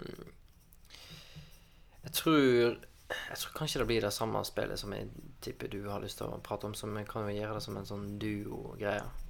Men uh, jeg hadde husker jeg hadde spart meg opp nok penger til å kjøpe liksom, et GameCube-spill Mm. litt før en jul. Og så hadde jeg en i klassen på ungdomsskolen som også hadde GameCube og var veldig fan. Mm. Så sa jeg jeg, har tenkt å kjøpe meg Prince of Persia Warrior Within, sa jeg. Mm. Og han bare Nei, du må ikke kjøpe det. Så jeg bare Ja, nei, det jeg liksom likte eneren kjempegodt. Han bare Nei, nei, du må, du må kjøpe Resident Evil 4. Oh, Så jeg bare Nei, men jeg vet ikke helt det. Han bare Jo, jo, så sendte han meg liksom en link på um, Nei, nei, jeg tror han bare sa scoren de hadde fått på GameSpot eller et eller annet Mm. sånt. Og så da hadde vel Jeg tror Resident Evil 4 hadde fått 9,6 av 10. Mm. Og så jeg bare ah, Ja, ok, da. Men det, det tok faktisk Det tok en del spillekvelder og sammen med kompis liksom før jeg liksom kom meg til første slottet, som på en Mm. måte er vel nærmer seg slutten av CD1, for det var jo to disker, det her. Riktig. Og det var da jeg, det liksom eh, virkelig traff hos meg, da. Mm. Altså, hele den der sjangeren med typen den der tredjepersonsperspektiv, der kameraet er litt over skuldra Mm, på den figuren du styrer, mm, det var det jo mer eller mindre Resident Evil 4 som, som coina. Altså, det var jo mer eller mindre de som introduserte den måten å ha tredjepersonsperspektiv på. Kamera så vidt bak skuldra på den ene figuren, og, og at du da kan liksom snu kameraet òg, om du vil ha det liksom over venstre skulder eller høyre skulder. Hele denne greia der var det jo Resident Evil som 4 som coina. Og Ja. det, det er jo så annerledes enn de andre spillene Mm. tidligere. Så det er jo sånn Veldig. veldig ny introduksjon av Altså veldig ny måte å finne opp hele serien på, men så, så utrolig bra. Ja, og så kom det ut ganske så samtidig som God of War på PlayStation 2. Mm. Og nå husker ikke navnet på serien, men serien som oppfant QuickTime. Uh, Shenmue. Ja. Mm.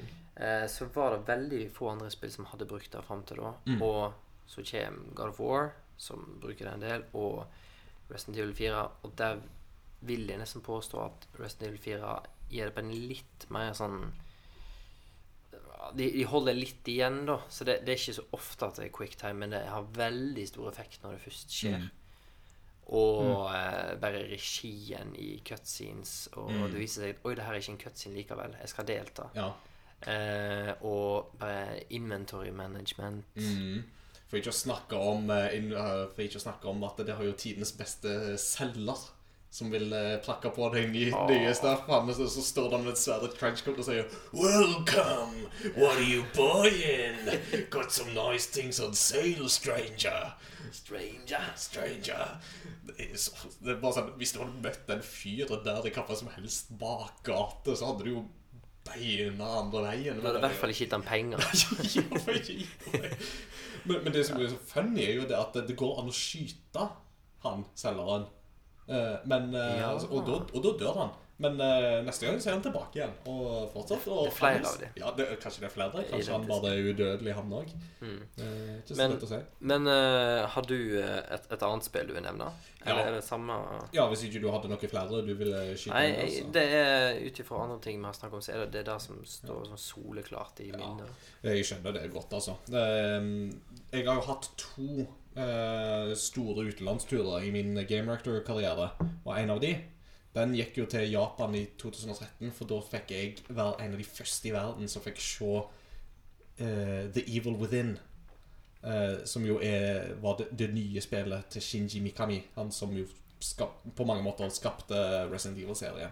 Mm. Og, var, minst- og ikke minst av Resident Evil 4. Ja. Så um, jeg har jo da Jeg, har- jeg, jeg har skjenka sake til, til um, Shinji Mikami. Og, Sugoi. Så det, Sugoi. er- det er dette mine største øyeblikk. Sånn sett, Mm. da. Nei, altså Resident Evil 4 var jo et sånn jeg gjerne skulle ha nevnt. Um, jeg satt jo her nå og noterte meg sånne veldig nevneverdige GameCube-opplevelser. Og det var liksom altså, Mario Kart Double Dash, F-Zero, GX, Super Smash Bros. Mm. Eh, alle de der Paper Mario, The Thousand Year Door er jo også kjempebra. ikke sant? Altså, GameCube hadde ganske mange bra rollespill, faktisk. ja, De hadde jo, for, ja. ja, ja. Altså, de hadde jo Final Fantasy The Crystal Chronicles, som jo var første mm, Final Fantasy-spillet som kom på en Nintendo-konsoll etter Super Nintendo-tida. Fordi at uh, Square ble så sure på at Nintendo tviholdt på kassetter, så da gikk de over til PlayStation i stedet. Så det, Crystal Chronicles var et viktig, viktig spill sånn sett. Um, jeg tror at um, Ja, eh, jeg nevnte jo i forrige episode at min guilty pleasure er Harvest Moon. Eh, det var jo faktisk en serie jeg oppdaget på GameCube, og ikke på en tidligere konsoll. Så um, Men eh, Beyond Good and Evil er jo òg sånn Det, det var jo sånt spill som kommer til mange plattformer, men det er jo sånn et nydelig spill. Og, Angrer på at jeg aldri opplevde det spillet der. ja, Det har det hadde jeg spilt i ettertid, altså, og med kona. Og hun er jo òg fan av det fra barndommen, så det er et sånt spill vi har kunnet bonde over. Mm. Uh, men jeg vil nok si det at hvis det er liksom et par spill jeg likevel skal trekke litt ekstra fram, så kanskje litt mer unike um, Det er nok ikke så unikt det første jeg vil nevne, men det er jo Soul Calibur 2. Ja. Eh, som jo er Mm. sånn fighting-spill i litt sånn Mortal Kombat-type stil. Og nå kommer jo Soul Calibur 6 kommer jo nå denne høsten med Geralt fra The Witcher, så Mm. det blir kult. Uh, men altså Soul Calibur 2 var jo veldig gøy, for det lanserte de jo på alle tre store konsollene. Men alle konsollene hadde hver sin unike figur som du kunne spille sånn. Mm. Eh, så PlayStation hadde Heihachi Mishima fra Tekken-serien. Eh, Xbox hadde Spawn, tegneseriefiguren altså, av eh, Todd, eh, Todd Howard. Og så, GameCube-versjonen hadde jo da det store trekkplasteret, for der har du jo Link fra Mm. Zelda-serien. Og da kunne du slåss med sverd, du kunne kaste bomber og hele pakka, og bumerang, og det var ja, så det var um, Så det var en sånn fin eh, twist der. Og Soul Calibur 2 var et spill der jeg virkelig pugga komboer og lærte meg skikkelig ting. Altså. Så det var awesome. Og musikken der har jeg jo fortsatt òg eh, nevneverdig. Altså. Musikken i Soul Calibur 2. Eh, Det andre jeg vil nevne, det er Jeg sniker meg litt her nå og nevner tre, hvis det er greit. Ja, Men eh, det andre, det er Star Fox Assault. Eh, og Var det singleplayer? det var det singleplayer. Altså, Ja, nei, for at, ja, altså, ja, ja. Det kom jo to Star Fox-spill til GameCube. Det første er jo det folk husker best, for det er Star Fox Adventures. Som det- det var Det Ja. glemte jeg å nevne. ja, for det begynte jo som en sånn Dinosaur Planet-type spill, som da Ja. Nintendo plukka opp, og som Rare Eller jo, det var Rare som utvikla Det var et av de siste Det var det siste Rare-spillet som kom på Nintendo-konsoll. siste- det- Ja. Mm. Det var det siste Rare-spillet som de utvikla i lag. Og det var jo sånn Star Fox møter litt sånn Zelda-type gameplay, eller litt mer sånn Ja. adventure puzzle solving-type Og igjen grafik Kjempegøy. grafikken der. Altså Mm. bare pelsen på eh, Ja. Fox der var jo bare Det, det var faktisk ganske wow for sin Og- tid. Det må jo nevnes at eh, Crystal, mm. som er den der blå alien-reven mm. i det spillet, hun eh, blir jo en spillbar karakter i Super Smash Bros. Ultimate. Blir jo det? Mm. Ja. Eller, det eller et sånt Assist Trophy, jeg husker ikke, men jeg tror hun blir en sånn Shadow-karakter. Jeg trodde det var Assist Trophy, men eh, det får vi heller sjekke opp i Ja. ettertid. Eller du får google det mens jeg prater via det. En av oss har rett. Yes, en av oss har rett. Men det kom jo et spill til til Star Fox-serien litt mot slutten av GameCubes levetid, som heter Star Fox Assault. Og det gikk jo litt mer tilbake til den der klassiske Star Fox-formelen med sånn romskipflyging og skyting og sånt. Men i tillegg så var det da noen bretter du gikk på bakken som Fox. Uh, I sånn tredjepersonsperspektiv og husker og litt sånt. Og det som var så gøy med Star Fox Assault, var at det hadde multiplayer. Så for de av oss som da ikke hadde Xbox og hadde Halo og sånne ting, så var Star Fox Assault noe av det nærmeste vi kom. Å ha en sånn uh, shooter multiplayer-aktivitet Det var faktisk veldig, veldig gøy. Jeg husker Vi har mange gode minner knytta til det spillet der. og Mange gode kvelder med venner og sånt der vi satt og valgte Noen av oss var Wolf, noen var Crystal, og det var liksom sånn Nei, nei ikke Crystal. Litt, jo, jo, du kan være Crystal. Riktig. Mm. Så det var, det var faktisk veldig, veldig kult. Litt undervurdert. Uh, har nok ikke holdt seg så godt i ettertid, men back in the day så var Star Fox Assault en sånn kjempegøyal uh, tittel. Og ikke minst på multiplayer. Og det tredje spillet som jeg vil snike meg til å nevne, det er Fire Emblem Path of Radiance. Mm. Som er et av mine favorittspill i den serien. Altså Fire Emblem var en serie jeg oppdaget da den endelig kom til Vesten på Gameboy Advance i 2004-ish. Og i 2005 så kom da Path of Radiance på GameCube. Og det kjøpte jeg så å si på lansering. Eh, det er jo ganske verdifullt akkurat nå. Det er jo blitt ganske sjeldent. Men Path of Radiance har en av mine favorittsettinger når det gjelder Fire Emblem-serien. Og Fire Emblem minner jo litt om Valkyrie Chronicles, som jeg snakket om tidligere. Det er jo sånn turbasert uh, uh, strategi med litt sånn japanske rollespillelementer i seg. Tung på story og dette her med at hvis du mister en figur, så er han død for godt. Og at du må på en måte Du får et forhold til alle soldatene dine. Og så er jo Fire Emblem er jo sånn fantasy-setting, så det er jo sverde, swords and sorcery og sånt. Knallbra musikk. Det var det første spillet med mer sånn um, det, det var, de, Jeg vet ikke om de brukte så mye filmsekvenser der. Jo Jo, jeg tror de gjorde det. Jeg tror faktisk det var litt filmsekvenser òg i uh, GameCube-versjonen. Det var i hvert fall i Wii-versjonen, men jeg tror også det var i GameCube-versjonen. Og, mm. så var det òg te en temasang med tekst som liksom var nytt for serien og sånt. Men det var liksom settingen i den var skikkelig kul, fordi at eh, i det kontinentet som du da befinner deg på i det spillet, så er det òg en del sånn Du har vanlige humans, men så har du òg mange sånne Beast Tribe-folk. som da kan forvandle seg til et dyr i kamp når de slåss. Eh, så da hadde du liksom Du hadde mm, de, de kalles for lagus, som er en sånn samlebetegnelse for dem. Og da hadde du noen som er liksom beast, som er mer type sånn katter og tigre og sånt. Så har du noen som er fugler, som da er ravens og herons. Eh, og herons er egentlig antatt å være utdødd, og så viser det seg at det ikke er det. Og så har du mer sånn draconic eh, rase og sånt. Og de har litt sine styrker og svakheter og sånt. Kjempeunik, kul setting. Masse i forhold til at mennesker og Lagos går dårlig overens. Det er mye krig de imellom, mye stridigheter, mye rasisme. Eh, og generelt sett en veldig sånn kul setting i det spillet. Masse gøyale nye ting de gjorde.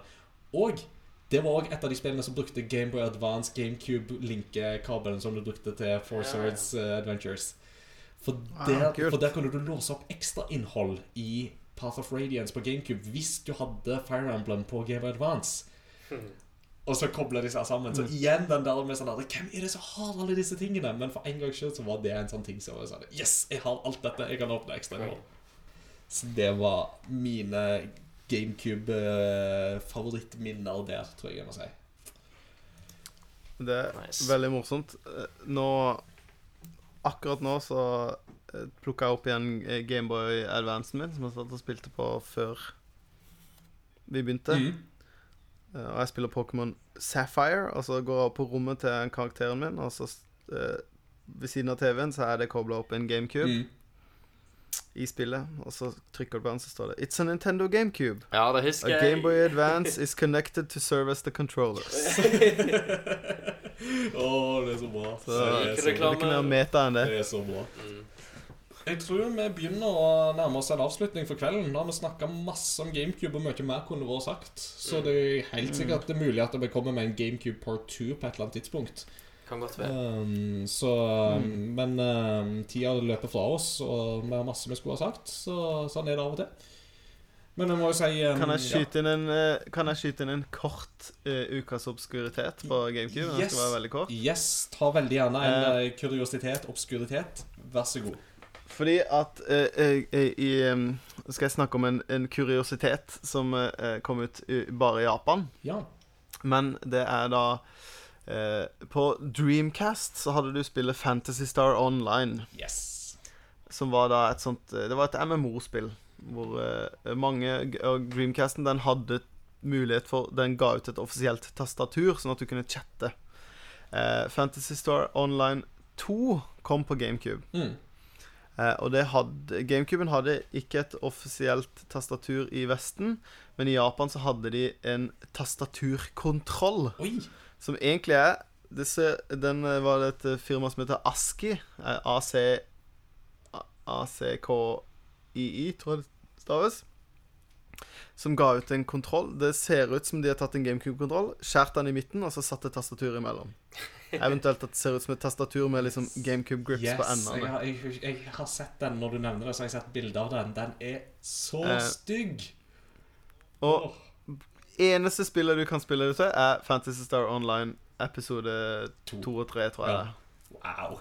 Fantasy Star Online 2 episode 1 og 2, eller et eller annet Altså, sånt. du, du kan, men har du Mm, lyst? ja. Og, og, og det beste med det òg er jo Eller det er jo ikke det beste, for det beste er jo den obskuriteten som du jo nå nevnte. Men GameCube hadde jo ikke innebygd modem, så det måtte du jo kjøpe utenom som en sånn eh, ekstra ting som du mm, satte på under GameCuben, tror jeg det var. Mm, Så det var sånn. absolutt. Men den vanlige håndkontrollen til GameCube, den var amazing. Ja. Det var Den, eh, jeg tror fort eh, det blir en, en del to av den uh, GameCuben. her, For det, Ja. vi er jo Vi har eh, mer å si. Men det var ukas eh, Det var ukas obskuritet. Det var ASCII keyboard controller til GameCube. Yes. Jeg sitter og ser på den nå. For et monster. Det ser jo ikke ut. kunne du få den i lilla òg, som er den der eh, originale GameCube? I lilla? Ja, kunne du det? Det vet jeg ikke. Ser ut som den bare er. Ja, en hvit-gråaktig. Ja. Mm. Ja.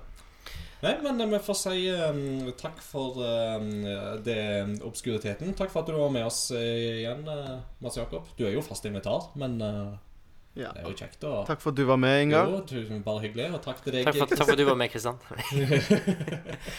Men deg, Kristian. Vi, vi slenger jo på en liten En liten eh, GameCube-musikalsk eh, Ja. snutt. Ja, altså post, Postludie blir jo i eh, GameCubens ånd. Og det er jo én serie vi ikke har nevnt nå, som òg fikk definere GameCube litt, og det var Metroid Prime. Som den dag i dag Hvis du sammenligner Metroid Prime, det første som kom i 2002, opp imot Halo Combat Evolved, og for så vidt òg Halo 2 Altså, Vi husker alle i Halo og hvordan det på en måte revolusjonerte tingene, og sånt, men du verden så mye Metroid Prime gjorde som var forut for sin tid, altså. Det er sånn Jeg tror ikke folk helt på en måte innser hvor, hvor imponerende Metroid Prime var for sin tid. Og Metroid Prime var jo òg gjenkomsten til Samus. For at, eh, de hadde jo ikke gitt ut noe Metroid eh, Metroid-spill siden Super Metroid i 94. Og så ga de ut Metroid Prime på GameCube, samtidig som de ga ut Metroid Fusion på um, På um, Game Boy Advance. Game Boy Advance. Ja. Og det var jo um, Og det, det, det ble lansert samme dag, iallfall i Nord-Amerika, så det var veldig kult. Mm. Men um, det jeg skal fram til, er jo um, musikk, og det er jo da um, um, hovedtemaet fra Metroid Prime, altså det første main, main theme fra Metroid Prime av uh, Kenji Yamamoto og Koichi Kuma. Uh, og jeg har alltid digga Metroid-musikken. Den er så skikkelig atmosfærisk og passer så godt til den der uh, øde science fiction-tomrom, eller disse der hulene og fabrikkene og hva det enn måtte være du utforsker i i det store verdensrommet, der monstre lurer rundt hvert hjørne. Og main theme fra Metroid Prime understreker virkelig den stemningen og har en veldig sånn cool science fiction-vibe over seg som bare skriker kult lang vei den dag i dag. Mm. Så det er mitt valg som uh, dagens postludium. All right. Yes. Men uh, da takker vi med, med det så takker vi for oss for i kveld. Mm. Og neste Mhm. episode kommer da igjen om to uker. Vi snakkes ved neste korsvei. Ha det bra. Ha det, bra.